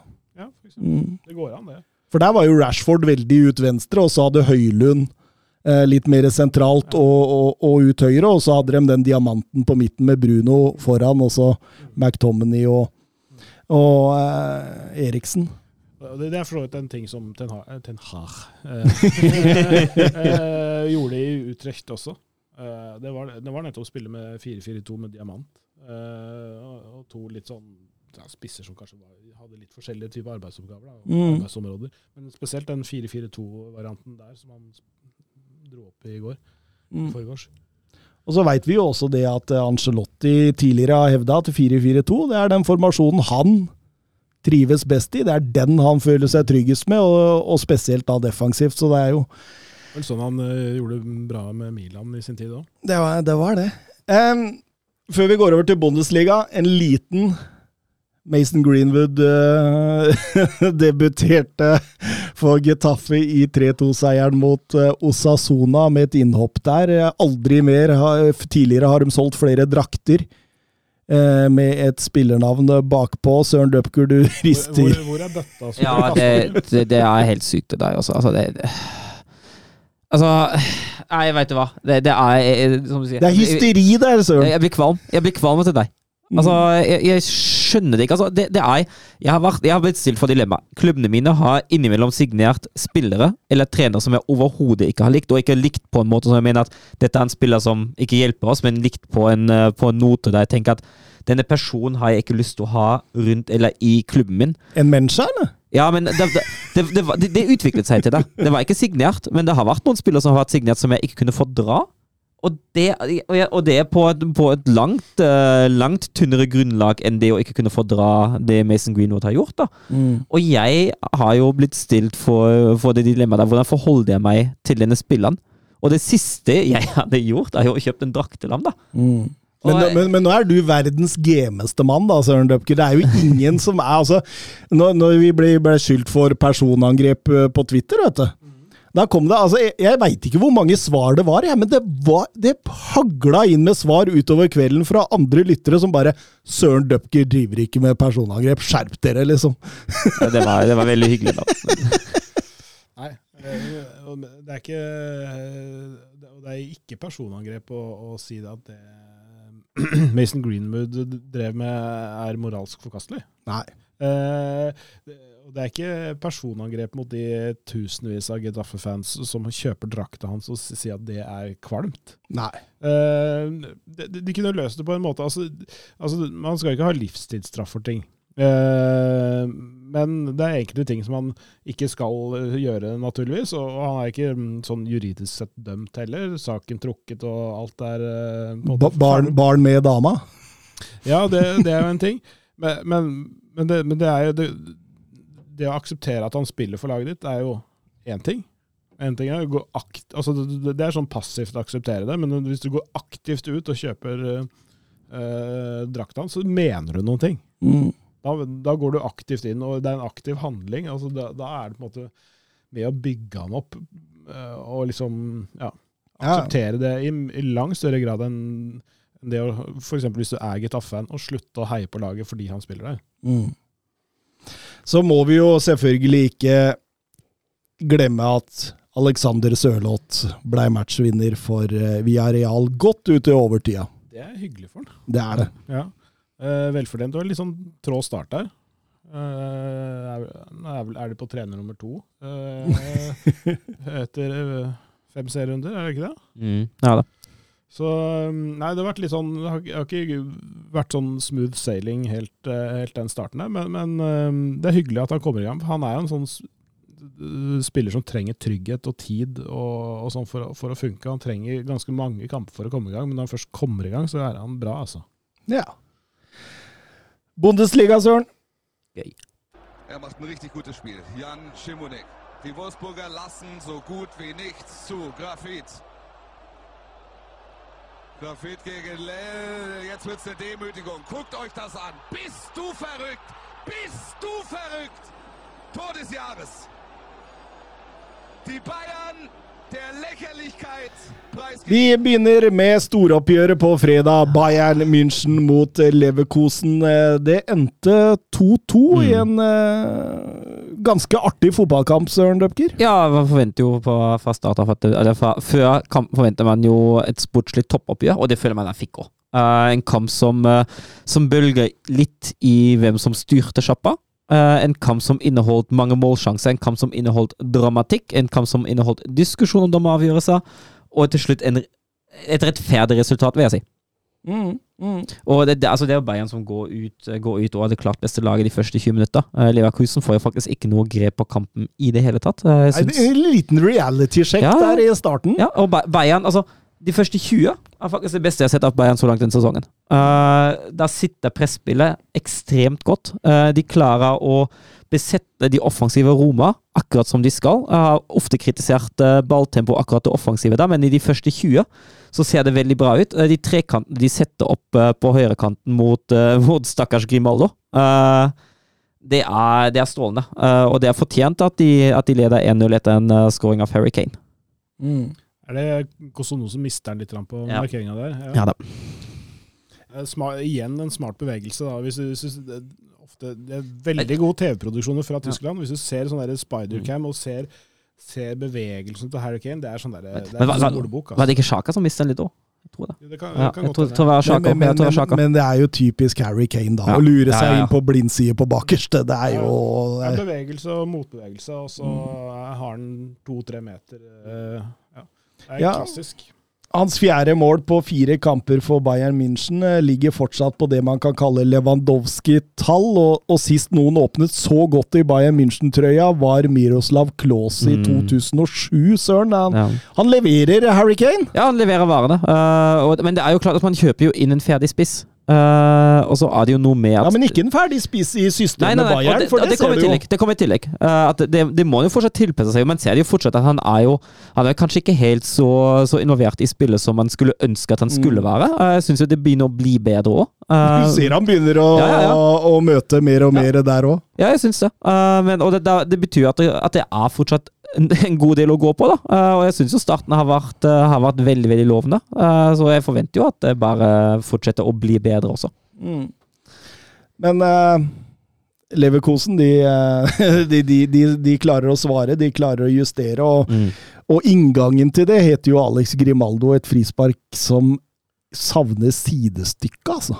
Ja. Ja, det er Han fikk kjørt seg i starten, men han slo tilbake. Ass. Det kan man det, det, om å slå tilbake. Det er sånn Ronaldo og Bale-teknikk. Den der ah, Mm. innside dupp. Mm. Ja, veldig bra.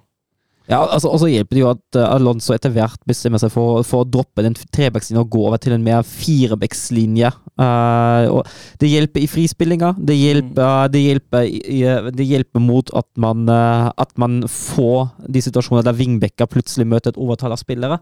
Eh, jeg syns det gir stabilitet. Og fra den der, fra ca. 20 minutter, fra da Grimaldo setter setter 1-1, uh, så er jo Leverkosen faktisk det beste laget helt uh, fram til tampen av omgangen der Bayern har en sånn liten uh, så liten oppblomstring. Og det er jo, det er jo den fasen i, uh, i kampen jeg syns Bayern er svakest. Da er man litt tilbake til de problemene man har sett. Uh, det, er, det er feil i, i frispillinga. Eh, det er posisjoneringer som ikke helt, eh, som ikke helt stemmer, og det er litt sånn dårlig samspill. Eh, og Leverkosen Leverkosen er jo nære på å utnytte det ved, ved Boniface, da, som har to sjanser å bli annullert for offside i den siste.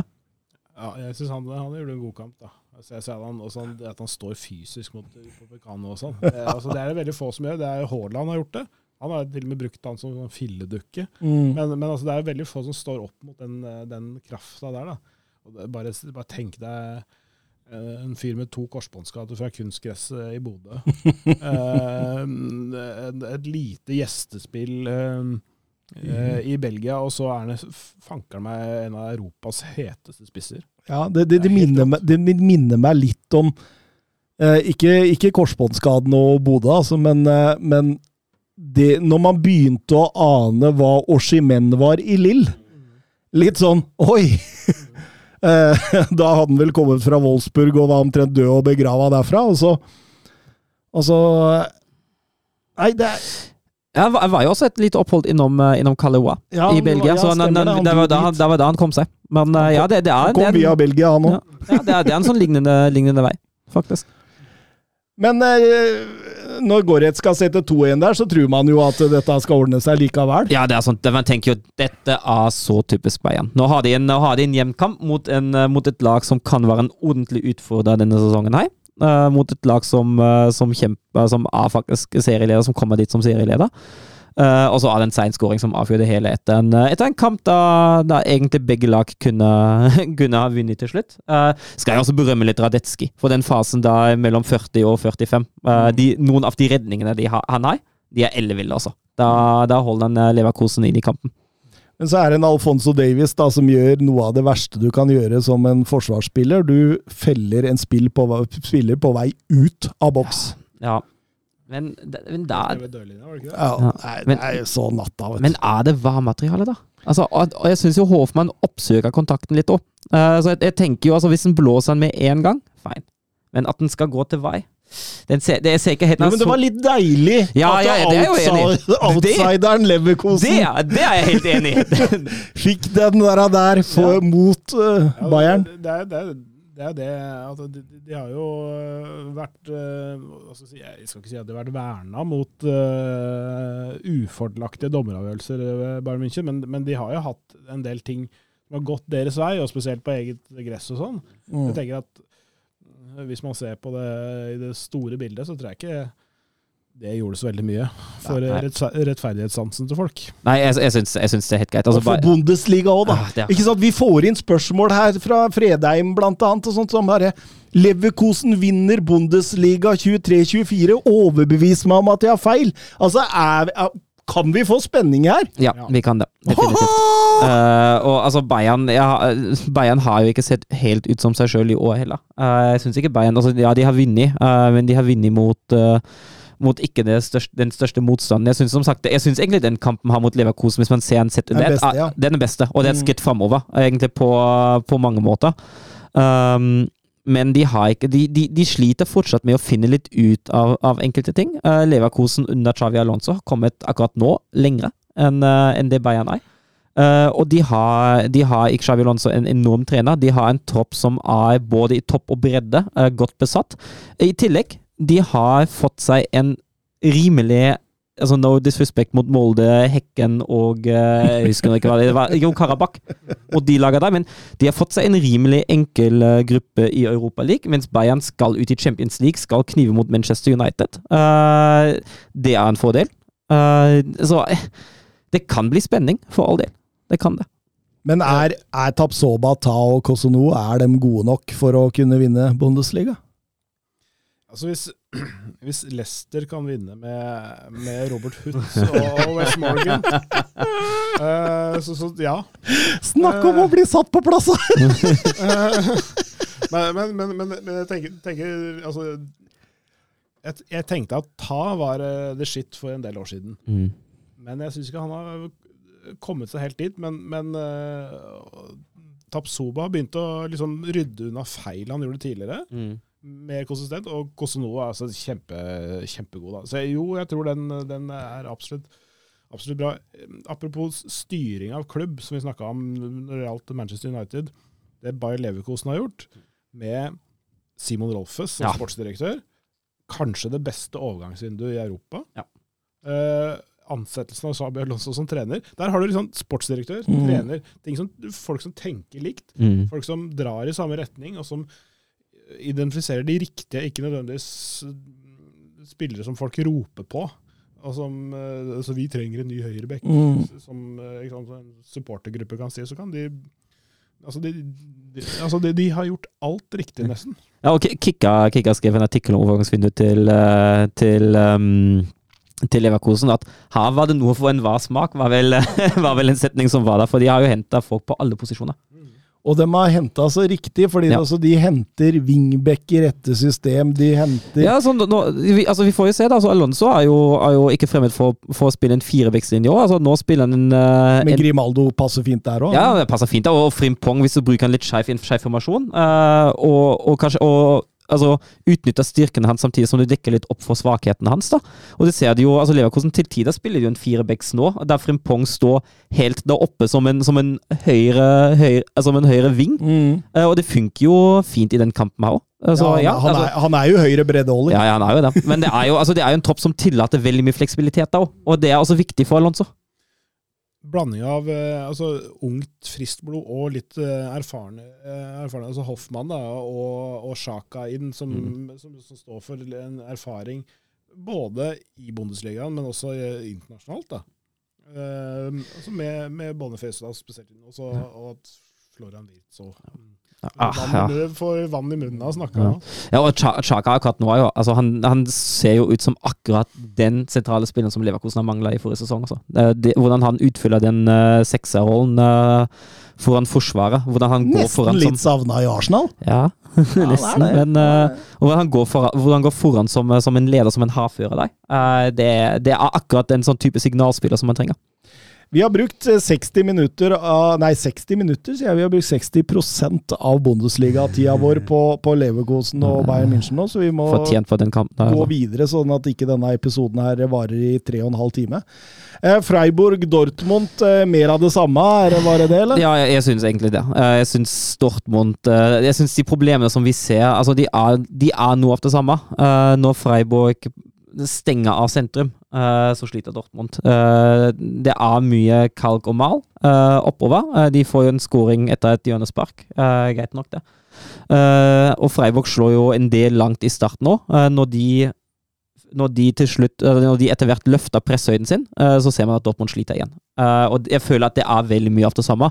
Eh, Det som Dortmund er godt hjulpet til her, er jo, er jo uh, det røde kortet til Høfla på slutten der. Uh, og så for all del den var stygg, den var ass. stygg. Men samtidig, hvis, husker du helt i starten, Chan, etter 13 sekunder, så han en lignende. Han, Ja. trekker, tr han trakk med knottene opp på ankelen til, jeg tror det er Høfla deg. Mm. Og han, eh, han slipper fra det helt uten noe, uten noe kort. Så ja. Han har sluppet unna mye. Han, Ja. Men altså, altså er det jo altså, han prøver jo, ikke sant. Altså, han ser det ikke fungerer, så går han jo over til en 3-5-2 etter hvert. Og når Høfla blir utvist, blir det en 4-4-2. Så, så han prøver jo litt, men å, det, det er, jeg føler at det er fortsatt mye av den samme miljøet, og nå går det bra i den kampen. der Godt hjulpet av Durekoto og en dessverre ekstremt uttrykk Atobolo i uh, Freiburgs mål, altså. Mm, ja, han var han, han uh... Han har ikke hatt en god start på sesongen, altså. Det er synd, det. Eh, Hummels dobbeltpakk. Ja, det er Og nå, og nå har han skåra i 16 Bundesliga-sesonger på rad, altså. Det er, Det er sterkt. Eh, Det jeg eh, tok med fra den kampen der, når jeg så på den altså En ting er jo det og, og, og sånn, men høyrefoten til uh, Vicenzo Grifo er for, Ja. den er jeg forelska i. Mm. Den er, altså det, måten han slår uh, det, det er vel et innlegg på den første, og så er det vel et frispark eller uh, corner på den andre der. frispark, ja. Eh, de er ganske like, de to målene, for det, er begge er sånne stuss i, i mål. Men, men altså den, der, den innleggsfoten hans, den, der, den er altså så utsøkt. Det er kanskje, kanskje den beste i Bundesliga. ja det er en god skuttfot òg, når han tar det Ja. Han slår liksom igjennom hele ballen. Mm, Ja. Og de er, de er harde og ganske flate, men Mm. uhyre presise hver eneste gang. Fin mål av Daniel Malen også, forresten. ja, fint. Han har kommet litt i gang nå, etter Ja. en trøblete start. Fått, Ja. litt, eh, fått litt tid, ja. Eh, RB Leipzig, Augsburg, det blei 3-0 eh, overbevisende for et eh, RB Leipzig. Så lag som ser veldig bra ut. Altså, det, altså hvordan de har takla denne sommeren og bare erstatta inn med nye. og og, og, og jeg syns nesten at de ser bedre ut Ja, ja. denne, denne sesongen enn den var forrige sesong. Og da tenker jeg litt ok, tross de eh, skiftene innad i laget, så må jo Rosa ha jobba voldsomt bra med strukturen her, da. Ja, jeg syns det. Uh, men syns man, jeg syns man ser det både på det offensive og det defensive og på presspillet. Uh, at dette har, dette har ser, ser veldig, veldig bra ut. Uh, nå altså Xavi Simmons åh, Ja, for, vi- en, vi- vi- uh, for en fotballspiller han er, altså. Uh, Skårer 1-0 sjøl, har assist på 2-0, og for 3-0 har han jo, han jo en reit da han har preassisten til Poulsen, som til slutt finner David Raum. Men, uh, men hele laget, da. Uh, det, det er trygt, det er solid. Uh, de senker seg riktignok uh, litt med i, i andre omgang. Uh, Enrico Maasen gjør noen justeringer og stenger av de sentrale rommene litt bedre, og da blir det noen sjanser til Augsburg. Leipzig kanskje allerede med litt Champions League i hodet, men siste halvtimen blir jo en transportetappe da, da har de full kontroll. og Det er annen fortjent seier, uh, og det ser, det ser veldig Veldig voksent ut, det Leipzig driver med, da. Ja, ja, helt klart. Uh, Fordel å ikke starte med Timo Werner. Ja, det er han, uh, han er nå spiss nummer fire. Ja. Men De, er, de har han- de har også gjort et godt vindu. da. Må si det, Hente både Openda og Savi Simmons, som er spesielt, da, og Castello Lukeba, som jeg kjenner til godt fra, fra før. Vanvittig gode spillere, alle sammen. Har de opsjon på Simmons, Jeg tror ikke det. nei. Både han og Cavallo er uten opsjon. For Oscar Pepito skriver jo det, veit PSG egentlig hva de har her? Først gir de han bort til PSV, og så leies han ut året etter. Men han er vel mer enn god nok for PSG? da? Han var, han var ikke egentlig gitt bort til PSV, men, men, det- det de gjorde med den dealen der For de visste, de visste hva de hadde. Ja. Fordi dealen var nemlig sånn at han, han gikk gratis til PSV, men de hadde tilbakekjøpsklausul Ja. på 4 millioner euro. Så, de, så det PSG gjorde, var at de kjøpte han tilbake for 4 millioner euro. Så selv om de, det, det er jo i praksis et lån, men det er, liksom litt sånn bokføringsgreie, dette her. da. Mm. Uh, sånn, at, det- så, sånn at han er jo PSG-eiendom, uh, og de har brukt eh, fire millioner euro på han eh, akkurat nå i sommer. Og så, og så Ja. kommer de til å selge han for De eh, betalte 20 for utlånet. 20-gangeren når liksom blir dette her nå. Det blir 80 millioner euro det der for en sånn spiller som det der. Ja, absolutt. Jeg, tror jo det er lurt av dem å leie han ut, fordi de har jo også Zaire Emery i laget, og det ser ut som de gir han en del spilletid. Og det, det kan jo godt hende at de tenker det holder med én sånn som på en måte trenger masse spilletid og utvikling i den midtbanen, da. Eh, så, så, så å utvikle én av dem og la den andre sitte godt i Leipzig og kose seg og utvikle seg der, jeg tror, tror det kan være en god løsning sånn totalpakka de to, da. Som jeg, jeg ser jo for meg at, eh, at det, det er indreløpere i PSG fast i løpet av uh, kort tid, jeg, da. Det kan godt hende. Uh, men eh, kan Leipzig eh, blande seg opp i gullstriden, de òg, eller? Ja, Hvis de fortsetter med den formen, ja, definitivt. Det starten har jo sett veldig bra ut. Akkurat nå er de kanskje et lite hakk altså, Ja, de er jo et lite hakk bak, da, eh, for all det, men altså, hvordan de har sett ut fra start uh, Meget sterkt. Det var jo knepentap tap i Leverkosen, ellers har de jo vunnet. Har jo slakta bein i supercupen, riktignok et litt eh, et, et Bayern-lag med en litt annen innstilling da enn eh, den de har vist i Bundesliga, men uh, formen, hvis de klarer å holde på den formen mulighet er det. Tenk om det blir three horse race i Ja, det- Tyskland. Det hadde vært gøy. Uh, så håper man selvfølgelig da at uh, Rasen ballsport havner på tredjeplass eh, av forskjellige årsaker. Eh, men, men de har skåret elleve mål på de tre siste kampene. så, så, de er i fin, eh, fin flyt, altså. Må si det.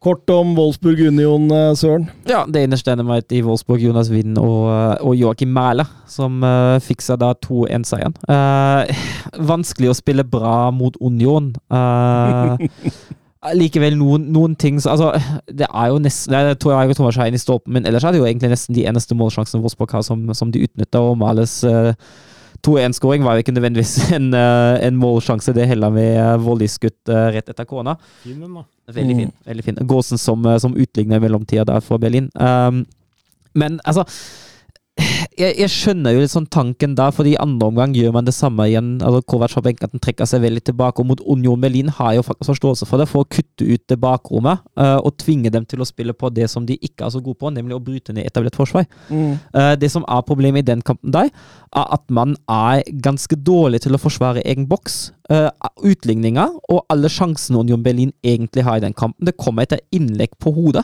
Ja. Og det skal ikke skje, for det, det er jo Det er egentlig de eneste de skaper. De er forholdsvis ukreative i den kampen. De gjorde, Union Berlin, for all del, Uh, men de skaper en del på, på å male ballen opp i boksen og vinne hodeduellene der. Og det bør ikke skje, det bør man ha bedre kontroll på. Uh, Kovac går jo et, ut etter kampen og sier at den, den er fint med seier, men fullt fortjent var han ikke, og jeg er helt enig. Uh, det er en kamp som bør ha endt uavgjort, men jeg tar jo igjen med meg de tre poengene der. Noen få ord om Lovro Maier.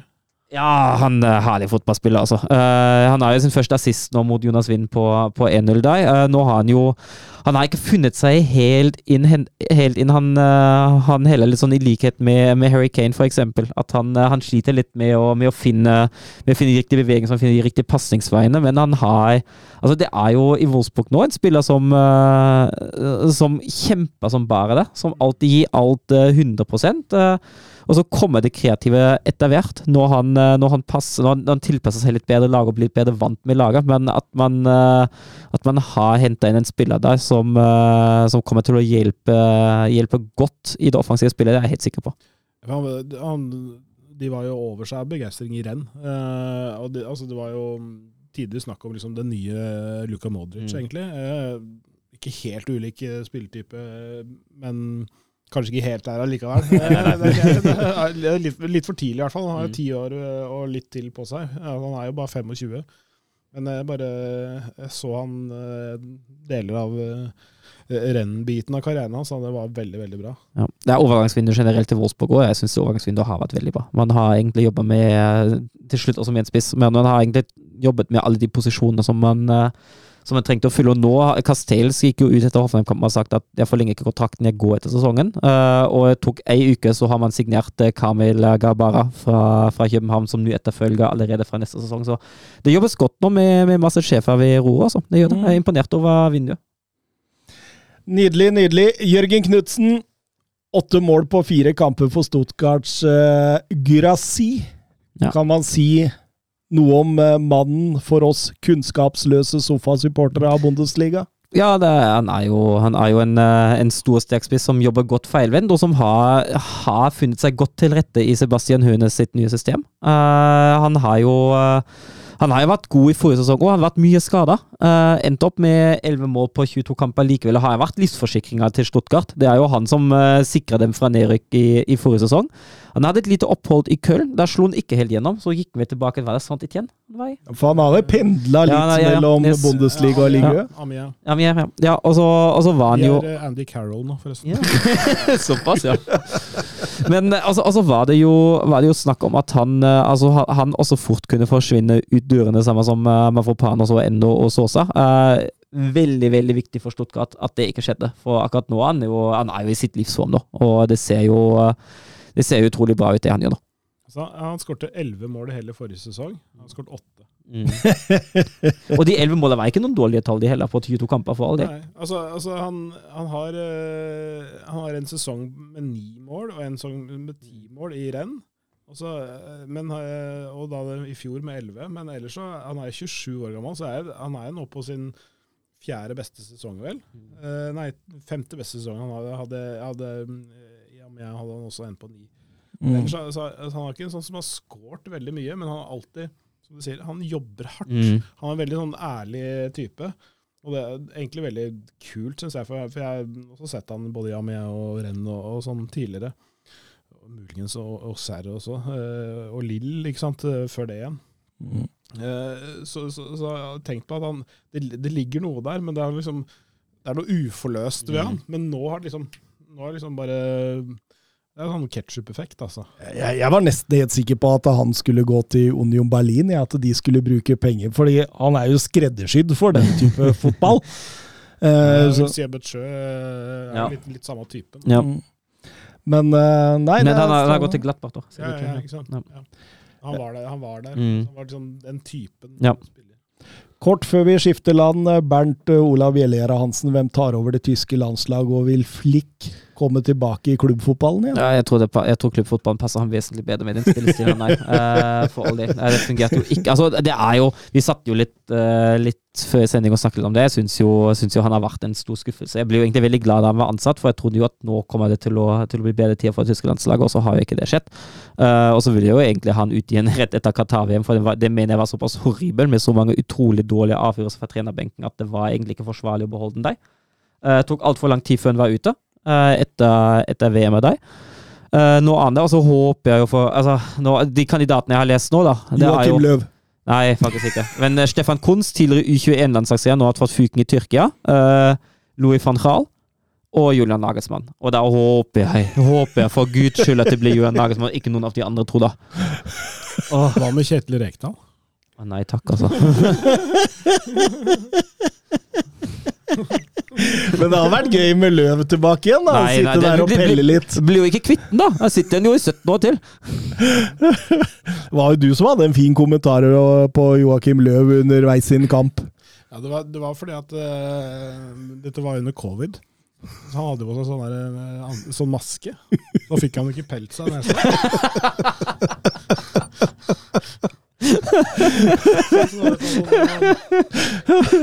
Og har litt lengre vei til godsakene nå.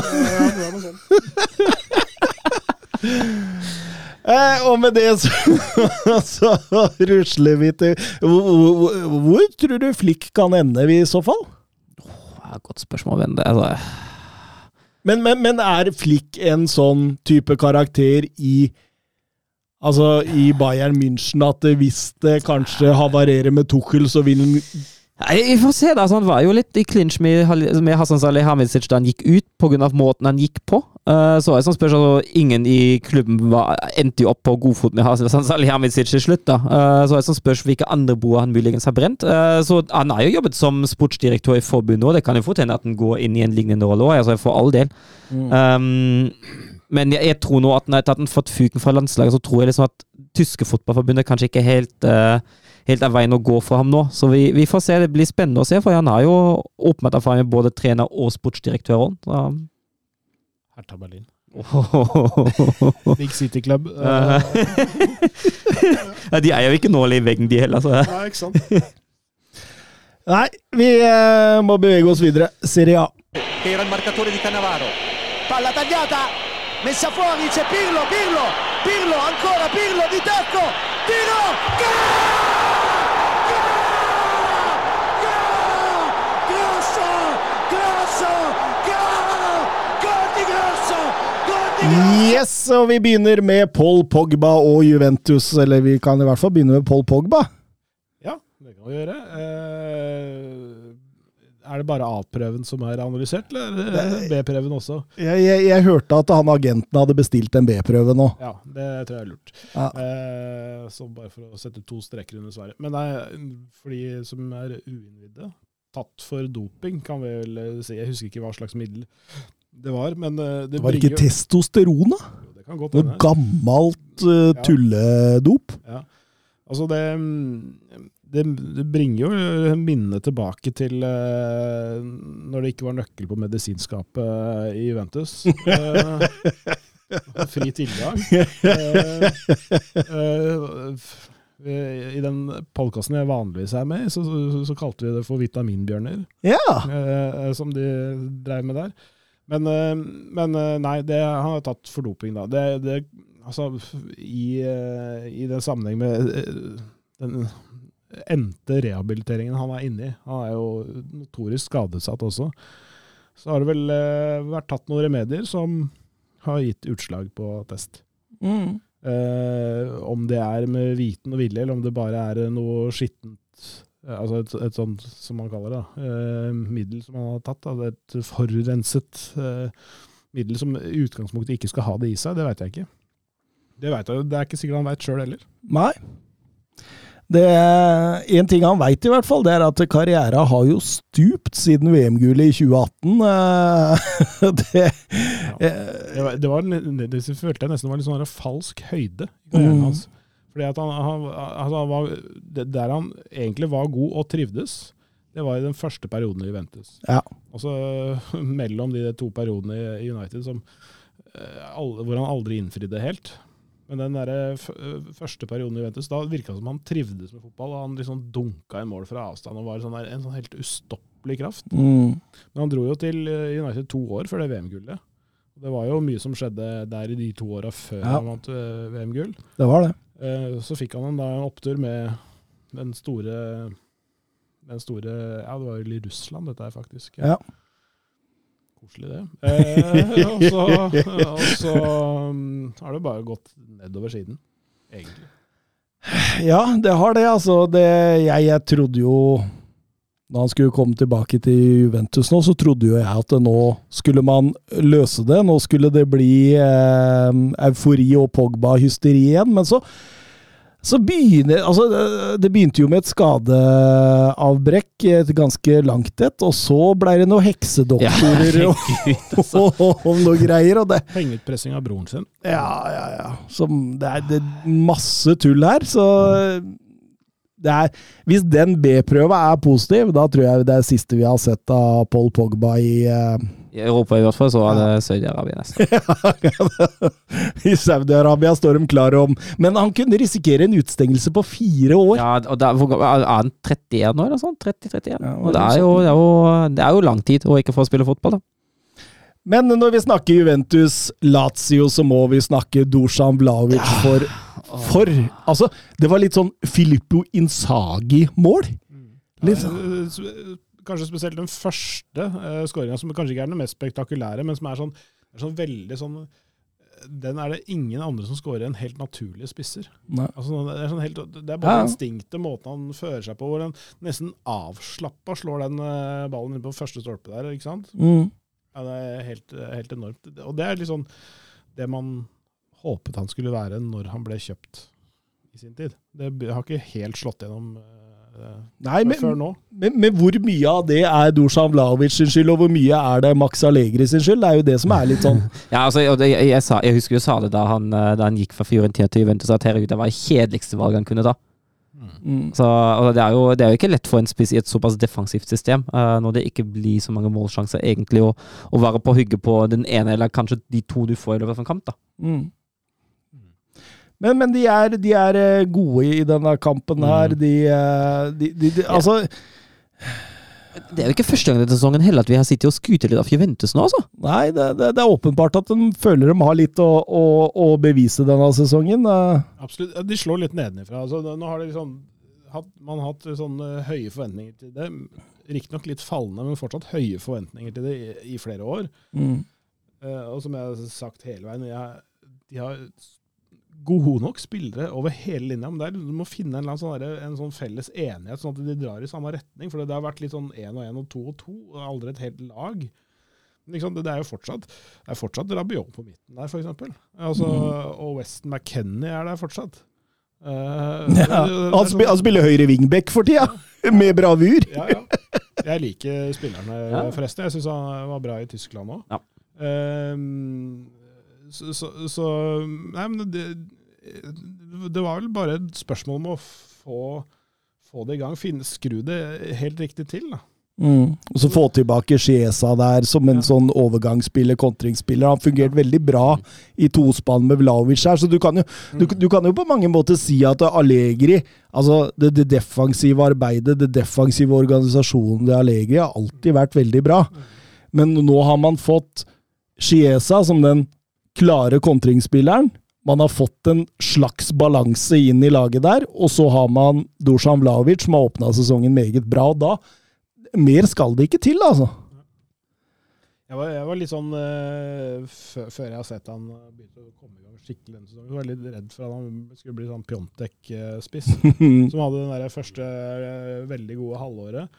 Ble kjøpt av Milan, så bare ploff! Datt gjennom der og i Herta og alle andre steder han har vært. Han har jo tenka, tenka helt. Men, men, men uh, Vlavic er the real deal, da. Mm. Det kunne du se i den matchen her. Absolutt pur verdensklasse, skriver André Schjelderup. Uh, hvorfor har ingen plukket han opp i sommer når han var tilgjengelig? Ja, det kan man jo lure på. Uh, Ja, det er nettopp, nettopp det du sa nå, tror jeg. Altså, de, de frykta at det var en Pjontek-variant som de hadde sett. At de rett og slett uh, måtte se det over tid, at han uh, leverte varene. Det kunne være litt sånn fluk, den derre den ene sesongen, eller ja, to sesonger vel, nei, halvannen sesong i Fiorentina, Mm. eh, som var veldig, veldig bra. Men så det siste halvåret var, var ikke gærent med vårsesong med sju mål i Juventus, men ti forrige sesong er ikke spesielt bra for et lag som Juventus, Neida. egentlig. Men det ser eh, bedre ut for Juventus nå. eh, Det, de vinner 3-1 mot et Lazio som har kommet veldig skeivt i gang. Vi, vi skal over til Derby Derby la Madonnina. Det var et eh, fantastisk eh, derby, eh, først og fremst fra Inter sin side. Om man kan få si det sånn. Altså eh, Jeg hadde Inter som en favoritt her. Men at det skulle gå så greit Ja, det, det vi så det vel litt grann delvis eh, i, i var det semifinalen i, i Champions League. mm. Egentlig nivåforskjellen mellom de to lagene. Altså, da var jo Rafael Leao eh, ute i den ene. Ja, fall. Stemmer. Så det var veldig tydelig. Nå var jo han med i dag, da. Eh, Eller i går. Eller i forgårs. Ja, lørdag. Eh, Det går litt i surr. Um, så går det når man ikke har fast jobb.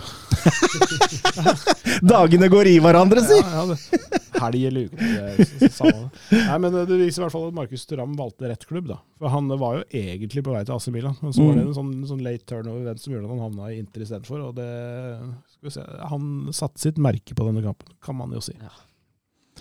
Ja, han, han er jo Vi har jo vært borti dette før, at han er jo som skapt for interfotball. Ja, nei, det. Altså, med, med, den, med den farten han har, uh, med den teknikken han har. uh, han er jo en sånn god fysikk i tillegg, uh, og han passer jo perfekt inn i, i det systemet. Det er jo, det er jo han som, som setter det hele i gang. Han skaper jo 1-0, og eh, 2-0 er jo en vidunderlig scoring. Mm. Ja, det, det, det, suser jo fortsatt i det nettet der. Altså det, altså det er eh, jeg, jeg så masse eh, flotte skåringer fra alle topp fem-ligaene og, og litt flere andre steder også i helga, men det der var by far den liksom drøyeste Nesten litt sånn uh, uforskamma bra, den skåringa der. Altså, det er så hardt og så godt plassert. Mm. Det, det, det, det var voldsomt. Og måten han drar seg inn, ut fra, fra inn i banen der og, og banker til, det er helt uh, voldsom. Og jeg tror ikke det er så mange som savner Lukaku der, altså. Nei, ikke akkurat nå. Altså, altså er jo det samspillet mellom, eh, mellom eh, Lautaro Martinez og Marcus Thuram ser også veldig veldig bra ut så langt. da. Uh, så, altså, og så er jo Med tanke på hvordan Thuram brukes nå, da, så er han jo nesten en Lukaku som også kan utfordre, som har styrke én mot én. For, for han tar med seg de styrkene Lukaku har, i tillegg til at han legger til et ekstra element. da. Altså, han, han har jo, altså det skulle akkurat si det samme. Altså, han, er, han er jo, har alt det Lukaku har. Mm. Eh, Kanskje ikke, tar ikke like mye benken, men altså, han er nesten like sterk. Men han er veldig mye mer dynamisk. Mm. Kan flytte seg og, og forstår det litt bedre, ser det ut som. Eh, Altså, at han skal flytte litt på seg. Lukaku er mye mer statisk. Og, du, og du, du ser nesten det der ja, Lukaku-Martinez-samarbeidet som på en måte ga seriegull eh, under Conte.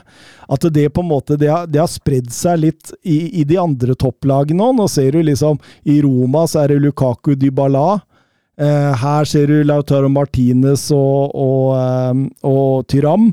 I eh, Juventus nå så ser du jo Chiesa og, og Vlaovic. Og det er litt sånn der, den der gamle skolen med én liten kvikkspiss og én stor sterkspiss, ikke sant? Big man, little man og greiene, som uh, Sunderland uh, gjorde vel med var det Kevin Phillips og han derre heter han høye stakan, han irske? Ja, Nile Queen. Ja, Ja, ja. Ja, De to var jo en sånn den, en av de veldig klassiske av den der. Men det er jo sånn fordi man har jo den, altså den moten som har vært de siste to-tre årene, med 3-5-2. Da, da får du en litt annen type sammensetning. Da. Altså, du må jo ha to stykker der oppe, men du kan ikke ha to helt klink like. Du må ha for- forskjellige egenskaper. Absolutt. Eh. Ja, det er det. Det er det. Eh, Leao skårer 2-1 der i, i annen omgang, men det er jo egentlig aldri i tvil, fordi in, Inter ligger bare og venter på dem og, og, og, og, og får de romma. Du kan jo lure på hvorfor de står så høyt med det stopperparet, blant annet. Altså, Kjær han, han blir jo pissa på i løpsduellene der. Så det Nei. Men eh, Eivind Stølen spør eh, hvordan kan det ha seg at Inter så til de grader har tak på Milan for tiden? Det er vel nettopp akkurat det der. Ja, det er fem, femte gang de taper nå for, eh, for Inter i 2023, faktisk. mm. Det er jo en stygg statistikk for, for AC. Men, men Inter-fotballen passer Ja. jo den litt mer naive Milan-fotballen.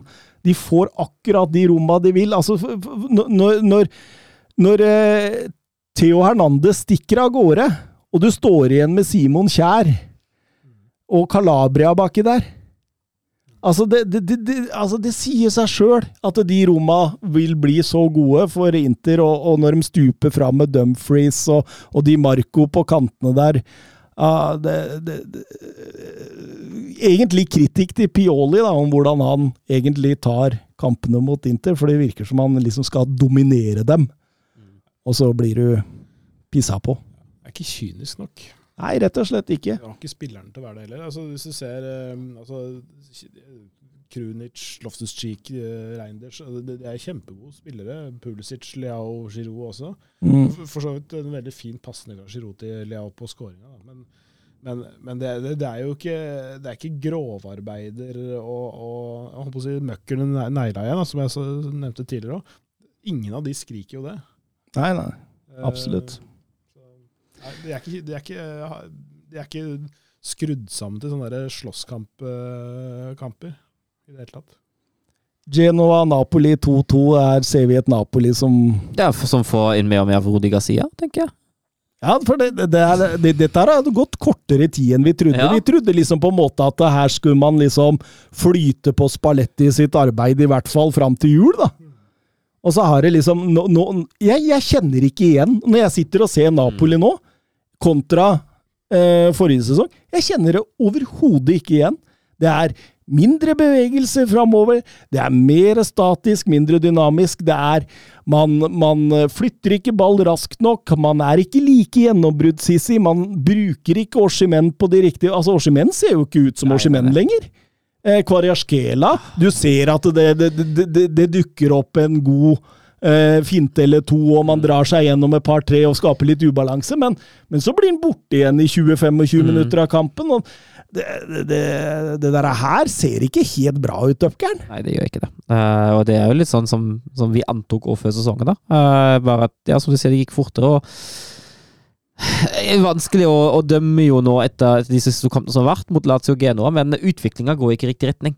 Og det er kanskje det som er bekymringsverdig. Altså at det blir eh, det, det blir litt sånn den forventa retning, uh, istedenfor at, eh, at, man, at man tar noen motgrep eller noe sånt. Så nei, nei, jeg tror de skal altså I den formen da skal jeg slite med å komme seg inn i topp fire. Men Rudi Garcia, Clay, åssen type er dette? Er det kong Midas som, som er sånn alt han tar i blir til gull? Ja. stemmer. stemmer. Jeg har vel det motsatte. Alt blir gråstein. Ja, altså, altså Bortsett fra, fra 2011-laget med, eh, med Lill, da. Ja, altså 10-11-sesongen. Eh, ledet av Edna Sare, egentlig, i sin tid. Bortsett fra det, altså den, den perioden han var i Lill da, så har nesten alt Han har gått til blitt dårligere etter at han kom dit. Altså Lyon, Roma altså Det var, det var perioder hvor det går bra. Han er ikke, er ikke en direkte dårlig trener, men altså han, han er litt sånn si, ikke kreativ. Og rett og slett nesten alle lagene hans blir, om ikke nødvendigvis dårligere, så i hvert fall kjedeligere å se på. Mm. Altså det, er sånn der, det er noe, sånn, det er noe trygt og solid over det. Han er liksom opptatt av sånn safety first, virker det som. Sånn. da er vi igjen på rød tråd, ikke sant. Eh, for Napoli i fjor var jo stikk motsatt av det i forrige sesong. Eh, det var jo et offensivt sprudlende lag som levde veldig mye av den kreativiteten, av den offensive friheten som Spalletti ga dem. Eh, og så går man tilbake til en sånn type som du beskriver nå, på Ja. Thomas da. Han Det er ikke noe. Han er, for, han er litt sånn for forsiktig, og han, han virker ikke som han stoler på spillerne sine, egentlig, syns jeg, da. Men det er mulig jeg det, Han mener noe helt annet sjøl, men, men for meg så virker det som han er altfor forsiktig. Mm. Det, er, det har jo vært ganske store Uh, endringer i spillerstallen nå, må jo si, si det. Det har vært litt sånn inn og der. Ja, jeg jeg syns de savner Kimmo på stoppeplassen. Uh, ikke, det er ikke helt det samme uten ham, altså. Nei, og nå var jo Ramani benka også, Mm. så det var jo Østegård og, og, ehm, og Juan Jesus som eh, var stoppere der. Og, og du, ser at man savner litt på den midten der. Man eh, Nei, jeg, jeg, jeg er det Raspadori og Politano, gode spillere. De redder poenget her eh, hver for seg, men Fine mål òg. Ja da, Mm. for all del. Men det er liksom det er, det, det, Dette her ser ikke bra ut. Nei, enig. Eh, kan ta med at Fiorentina slo Atalanta 3-2. Jeg hørte forresten en podkast med han gamle stoppekjempen Mika Richards her om dagen. Eh, han hadde jo et låneopphold i Fiorentina, jeg lurer på om det var sånn 14-15-sesongen eller noe sånt nå. Og da hadde han jo, før avreise, da, spurt Mario Balotelli hva han skulle, liksom, åssen han skulle hilse på manageren, Montella, når han ankom. Og, og, og Balotelli hadde sagt eh, 'testa di cazzo'. Og jeg veit hva det betyr. At, eh, baller, er det ikke det? Nei, Kukue. Kukke, ja. Det, var noe med det der. Så er det kanskje ikke så rart at det gikk dårlig i Fiorentina på Mika Richards, men det går bra under Tror du ikke Montella hadde skjønte det, det at han hadde blitt uh, spilt et puss? Det, det første du sier når du skal møte manageren, er jo kukk-kue. Eh, Balotelli, altså. Jeg, jeg håper han gir ut en eh, god bok en gang. Det, det er mye. Mens eh, Roma vinner 7-0 over Empoli der, med Dybala og Lukaku på topp. Ja. eh, overbevisende seier, definitivt. Så noe å bygge videre på. Ja, Didrik Tofte Nilsen han spør jo Dybala og Lukaku. Hva tenker man om denne duoen? Vi har jo vært litt inne på det.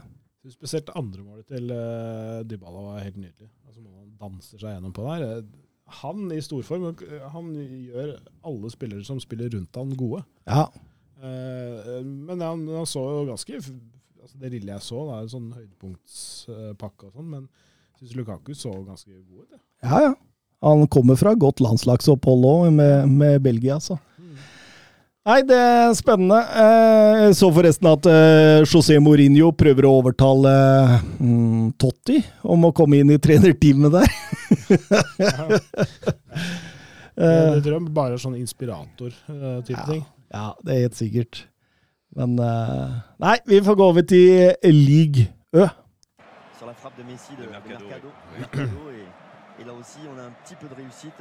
Griezmann sur l'appui, c'était bien joué avec Giroud. Oh, Sylvain Oh, Sylvain, il l'a vu Oui. Kylian Mbappé Kylian Mbappé, il l'a vu Ça fait 4 Et ça fait peut-être un quart de finale pour l'équipe de France 68e minute Oh, la joie collective parce qu'ils ont tous jailli du banc pour aller saluer cette passe décisive géniale de Giroud et ce doublé pour Kylian Mbappé Ja, og vi så, altså, eh, Det er jo PSG som er vårt eh, store mm, på en måte elefanten i rommet når vi snakker om, eh, om League Ø. Vi kan jo begynne med et spørsmål fra Daniel Ødegaard. Har Clay trua på det nye Paris Saint-Germain-prosjektet, og hva skjer med Mbappe? Aha. Har du trua på prosjektet? jeg, jeg var en av de få som sa at han kom til å bli i PSG i fjor sommer, Mhm. så jeg traff på den. Ja. Eh, men det var jo en del fordi jeg hadde analysert meg fram til at det, det var det som var greia. Men jeg tror Altså Det er verre nå å, å, å finne ut av det, fordi, fordi der han er aller best, eh, er ute til venstre, skjære inn, nesa vendt framover. Benitius. Ja. Mm. Så det er liksom problemet hans, da.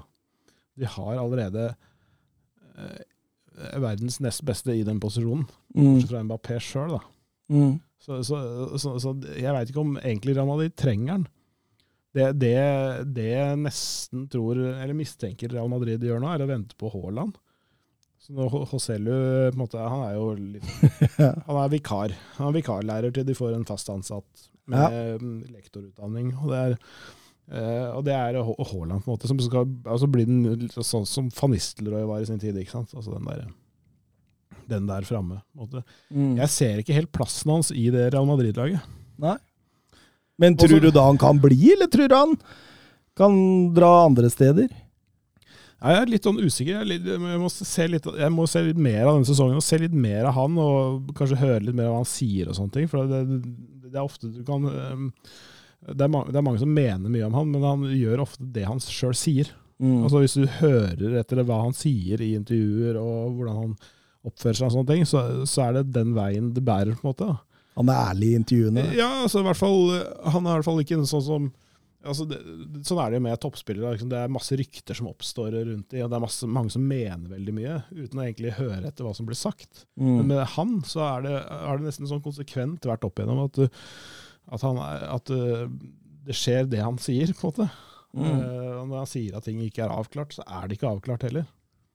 Selv om mange, i mange andres tilfeller så er det jo det. Mm. Det er bare at de ikke offentliggjør det ennå. Ja. Men sånn er, sånn er det ikke med han. eh, Har det i hvert fall ikke vært fram til nå. Jeg ser ikke helt hans plass i Real Madrid, så jeg er litt sånn usikker på hvilket sted han skal eventuelt dra, hvis han skal dra videre. Det er Her Todd Boiley kommer inn, vet du. Ja, Akkulian. men, det, men jeg tror ikke de har råd til han neste sommer. Jeg tror ikke, det er ikke sikkert at de får lov til å registrere spillet neste sommer heller. sånn. Setter han på 20-årskontrakt Ja, ja, med manager inn i Nei, jeg, jeg, jeg ser ikke Og det, det er et annet spørsmål da med Real Madrid. Altså Angelotti skal vel videre ikke sant, og trene Brasil. Ja. Hvem er det som skal trene i neste gang? Nei, det, det er et godt spørsmål. Vi, er, vi, vi har vel eh, konkludert med enten Raúl eller eh, Sabi Alonso, har vi ikke det? Ja, vi har det, men Alonso har jo nå fornya kontrakten sin med Leverkosen, da. Ja, men det er Det betyr bare at det det, må Ja, ja, det, det, det. ja, ja, det gjør jo det. Jeg, jeg, jeg tror også det, det ville vært eh, Selv om Nagelsmann er tilgjengelig, så er det ikke det, det er ikke en sånn type altså, De spiller ikke den type fotball som Nagelsmann eh, Jeg tror Sabi Alonso ville vært det aller, aller beste Og det, og det med Nagelsmann, vet du. Det er jo det at eh, Du ser jo problemene han fikk med Kimmich. Eh, åpenbart, når en spiller da går i opposisjon mot deg, så, så, så, så har du ikke tyngden nok til å på en måte Så, så, så Kimmich fikk jo faktisk vilja si. Han fikk jo, behøvde jo ikke å spille høyre back mer. Fordi han sa klart ifra at det vil jeg ikke, selv om det hadde passa laget best. Og når du kommer da inn i garderoben til Real Madrid, ja, liksom... da sånn- skal du ha en tyngde. Altså. Ja. Enten så må du være en, en tidligere spiller, Ja. tror jeg, med stor, stor autoritet og, og rykte i klubben, eller så Ja, det blir litt sånn, det blir sånn motsatt Zidane, da. Ja. Som, så, altså, Nagelsmann er taktisk veldig veldig bra, men manglet en tyngde. Men Zidane han hadde jo åpenbare taktiske mangler, men hadde nettopp den tyngden da, og visste akkurat hvordan han skulle håndtere det stjernegalleriet der. Ja, for det var det som var eh, oppgaven til Zidane. Altså, han hadde jo folk rundt seg som kunne det taktiske. Så, så, han, altså, det, det var en tydeligere arbeidsfordeling. da. mm. Uh, men uh, Nagelsmann som arbeidsleder i det kollektivet der, det tror jeg ikke går. Nei, det, det tror jeg ikke, altså. Så, så, men, men igjen, da, hvis Sabi Alonso kommer inn som trener, er da, han, er da Mbappé rett mann i den miksen der? Jeg, jeg er usikker, altså.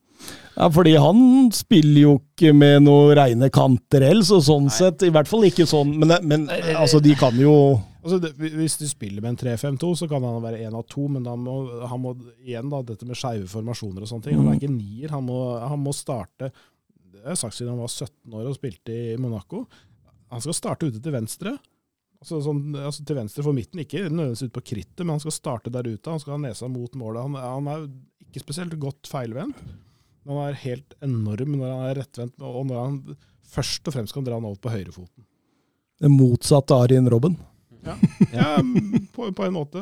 Og så er han jo men sjukt mye bedre enn det igjen, da. Mm. Så, og så detter han ikke så lett. Nei. Det var, eh, det, var, det, var, det var en eh, Jeg husker ikke hvem det var, men brutter'n fortalte eh, I Nederland så har de en del sånne ganske frittalende fotballeksperter. Da sa han at eh, når, han, når de så Nederland spilte uh, på TV da, hjemme, så må passe på å ikke støvsuge og komme borti TV-en, for da ramla Robben.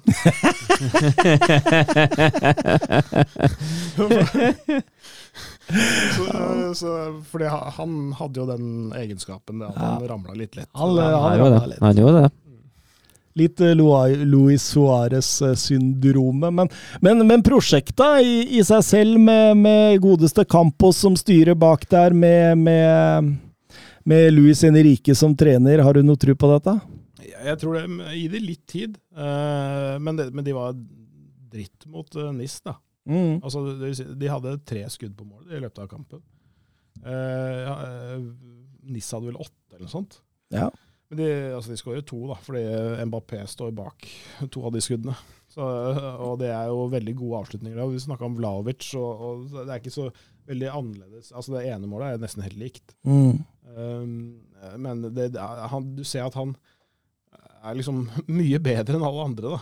Ja. Det er helt tydelig hva slags betydning han har, men, men eh, ja, litt, den midtbanen må liksom få tid til å sette seg litt. Nå er det jo noen av de vært der en stund, da, men, men, men eh, få i gang Ugarte og, og Ja, for det, det, det, det, tenkte jeg på underveis, eh, Clay. At hvorfor mot NIS, som åpenbart var så overgangsorientert eh, Her bør jo Ugarte inn. Ja, ja. Eh, og, det, og det gjorde han jo, men etter en time. Ja, det var litt seint. Eh, og og, og da, da, da hadde de allerede skåret to, og de skårte eh, det tredje målet rett etterpå. Mm. Eh, ble terrorisert av Terry Moffi, han var veldig god. Eh, Gud bedre for så mange gode spisser Nigeria har nå.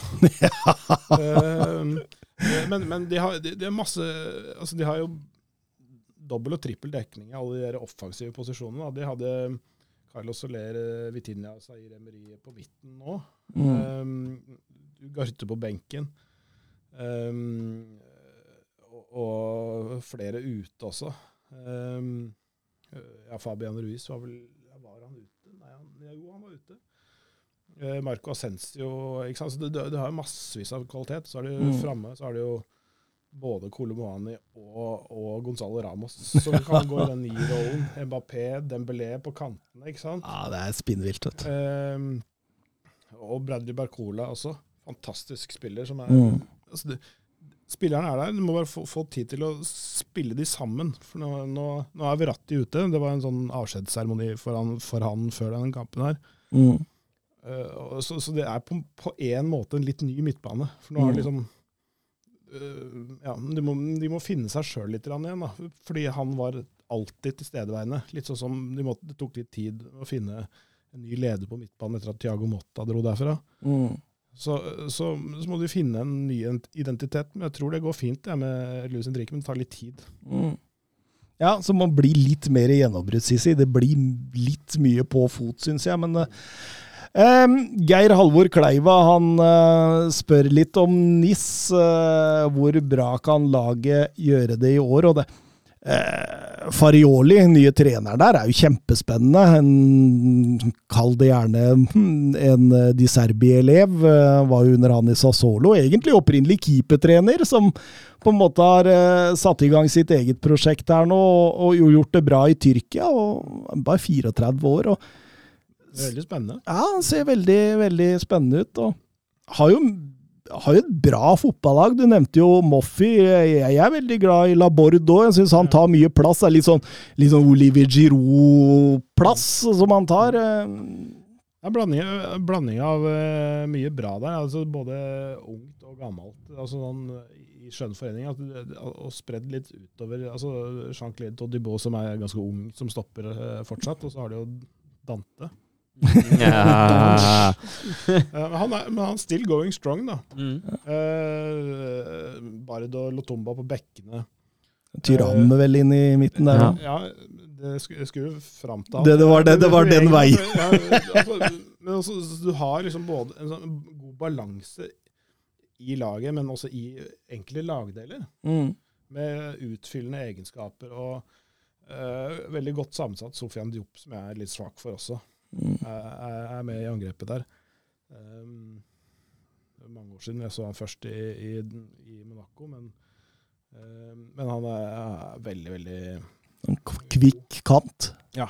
Ja. Eh, ikke spesielt sånn muskuløs eller høy, eller noe sånt, men er veldig veldig hurtig og, og fin. Så sammen med Terry Moffi, som både har fart og styrke, så har det òg målnesa til eh, Gaitan Laborde også, Mm. som er erfaren. Kjempebra. Mye ungt talent. Bodaoui og Gisan og sånn sånn som er der. Jeremy Bogart er tilbake i Frankrike. Ja, Ja, bra spiller, da. ja, ja, ja, for all del. For all del. Um, tida går litt av veien fra oss, men, vi, men Steffen Hansen, eh, har du tro på Grosso som trener for Lyon?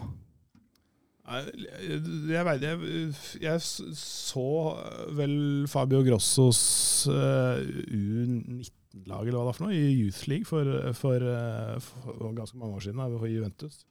Mm. Uh, en type som eh, jeg tror kan ta det der, men for der er også helt ubegripelig Det er litt som Manchester United. da. Mm. Altså Helt ubegripelig at de presterer så dårlig som de gjør. Mm. Du har også store navn som er inne på trenersiden. Eh, Logan Blasson fikk fyken nå, da. Ja, han hadde jeg litt tru skulle sette det der, altså. Ja, jeg trodde jeg også. Så det er- litt, jeg, er litt sånn usikker, for det, for det, altså det, er, det er et sånn vepsebol, det der. da. Mm. Spesielt nå med, eierskifte og alt mulig rart uh, som har skjedd der. Uh, så, så er det jo bråk rundt klubben, og det er usikkerhet rundt eh, økonomien og all sånne ting. fordi de har egentlig fått begrensninger på seg for å handle. Mm. Men så gjør jo John Textor eh, det som eh, alle sånne multiklubbeiere gjør, de jukser det litt til. Ja. Altså, du fikk jo Mollenbeck i, i, i, i, Belgia, en mygg i belgisk sammenheng, som er nyopprykka vel også, eh, tror jeg, til den der ligaen der. Til å kjøpe han der unge 19-åringen fra, fra Nord-Sjælland for 300 millioner kroner. Ja, ja. Så 30 millioner euro. Altså en, en mygg i belgisk sammenheng som bruker 300 millioner kroner på en spiller. Det, det, det skjer jo ikke. De har ikke penger til det. Men fordi eh, John Texter eier Molenbeek og Crystal Palace og Lyon, så kan han få sende sende via Belgia, så får de lånt han da, til en billig Ja. penge. ikke sant? Så for å omgå de reglene. Så det er litt sånn, litt sånn shady eier og mye bråk rundt det, og opp mot de franske myndighetene og sånne ting. Så det er synd, for det er så mye bra spillere der. Og så har de et fantastisk akademi som alltid klemmer ut noen nye talenter. Mm. Eh, hvis du skal nevne to lag som kommer til å følge PSG nærmest, altså da sier jeg nærmest fordi PSG kommer jo til å dra unna etter hvert, før eller siden, men hvilke to lag vil du gamble på nå, as we speak? Det er ikke, det er ikke så mye gambling å si det, men eh, Monaco Mm. eh, Endelig åpna bra! Ja, ja, ja. Eh, um, det, igjen tror jeg det er greit med litt sånn lave forventninger. Mm. Altså sånn at det de, de eh, Nå må de liksom ikke eh, noe, noe som helst, men de har mye bra spillere, da. Mm. Eh, handla eh, kanskje Frans, Frankrikes altså, mest spennende spiller i fjor, altså Folarin Balogun. Mm. Altså Henta inn han fra Arsenal via Ja, fikk vel debutskåring i helga, holdt Ja. jeg på å si. Ja, ikke sant? Um, Brele Embolo. Eh, nei, han, men han, er, han har ikke spilt ennå. Um, Han har han kvitta seg med Folland, da. Uh, men det er, det er mye, mye bra i, he, i hele, hele linja der. Eh, så, jeg, så jeg tror de uh, gjør et lite kupp i Salisu Mm. fra Southampton. Ja, og Adi Hytter, han er jo ikke Han har gjort det bra i I hvert fall gjorde den det bra med, med Frankfurt. Ja, jo da. Det var ikke fullt så bra med Borussia Mönchengladbach, men det er jo en trener som absolutt er kapabel. Mm. Så det ikke blir henta til eh, det tyske landslaget. Da. Men da tipper jeg Marseille, da. Ja, det, det kan du gjøre, men eh, grunnen til at jeg ikke tror på de, Oi! det er Aubameyang. ja. Åh. Nei, men, men, men, jeg- Tenk at noen tok sjansen på den. Altså, jeg, jeg kommenterte han første gang i Sankt Etienne. Ja. Ja. Altså, det, det er jo Noen år siden. Men en mannsalder siden. Jeg, jeg, det, hvis du snakker om one trick ponies, så er det han. da. Han har bare fart. Han har jo, Mm. har jo nesten ikke avslutteregenskaper. Jeg synes han eh, Fått mye ut av karrieren sin, da. Veldig. Veldig. Eh, så, så, men, men, men det er et morsomt lag. Så jeg, for Marseille sin del så håper jeg det klubben er kul, og fansen er, altså Når det koker på velodromen, så er det, det, er det, helt, det er en av de råeste Mm. arenaene i verden. Um, litt synd at de sendte Gendosi på lån til Lazio. Mm. For så vidt er det en fiendeklubb, som er litt pussig eh, på en måte. Men så har de Amina Ritt. Så, så, så det er jo litt sånn Det er litt sånn både òg, men, men det, er en kul, det er en kul klubb. Men jeg tror ikke de, de er ikke stabile nok. Men NIS kan, gjøre, kan eh, være der. Mm. For jeg tror de er mer sånn stabile og i vater og i balanse. Mm. Eh, Sånn NIS og Monaco, kanskje. Kult, kult. Og så kommer vel også Lill og Renn også, som spilte 2-2 i helga, til, til å være i, i, i gruppa bak der. Mm. Eh, Jeg skrev på femteplass, du må bare si det. vi må bare få det ned. Ja, og Brest på andre. Det er litt kult. Det er, det er ganske kult. Det er, jeg syns jo sjøl det er ekstremt, uh, ekstremt kult uh, uh, at det at det, det er så uforutsigbart i Frankrike der nå. nå så føler jeg liksom at eh, altså, eh, Lance, da, som imponerte vårt voldsomt i forrige sesong med Frank Heise der. Eh, Et par salg og, og en Champions League-deltakelse, og så er det rett til bunns i Ja, Det var ett poeng bak i ligagullet. Nå har de ett poeng på fem kamper. Litt u uflaks nå i helga, må jeg si det. da. Eh, Det, ikke uflaks, men, eh, men, men de kunne fort ha tatt mer enn null poeng i den hjemmematchen mot Mester. Mm. Uh, Syns litt, litt synd på dem, men, men Og Eliwai, som dro dit fra Montpellier, er veldig veldig god spiller. Spennende. 20 år gammel, men han har ikke tegnet seg for noen skåring ennå. Er han en av de tre største talentene i Ligue Ø som ikke spiller i PSG nå? Det er Jørgen Nystuen som spør. jeg. Om Eliwai er det? Nei, han spør meg Det er generelt om hvem som er de tre beste talentene som ikke spiller i PSG. Ja, han er en av de. Altså, Terry Moffi eh, vil jeg jo også slå et slag for, holdt jeg på å si. Eh, altså, fortsatt Ryan Cherky er jo der oppe også. Altså, men det er jo mange. Det kunne jeg nevnt mange, mange flere. Men, men det, det Talentenes liga. ja, ja. Mm. ja, det er det de brander seg sjøl som også, så eh, faktisk. Så, Ja, det, det syns jeg de skal ha lov til. ja det, det er absolutt. Absolutt. Nei, men det er kult, det.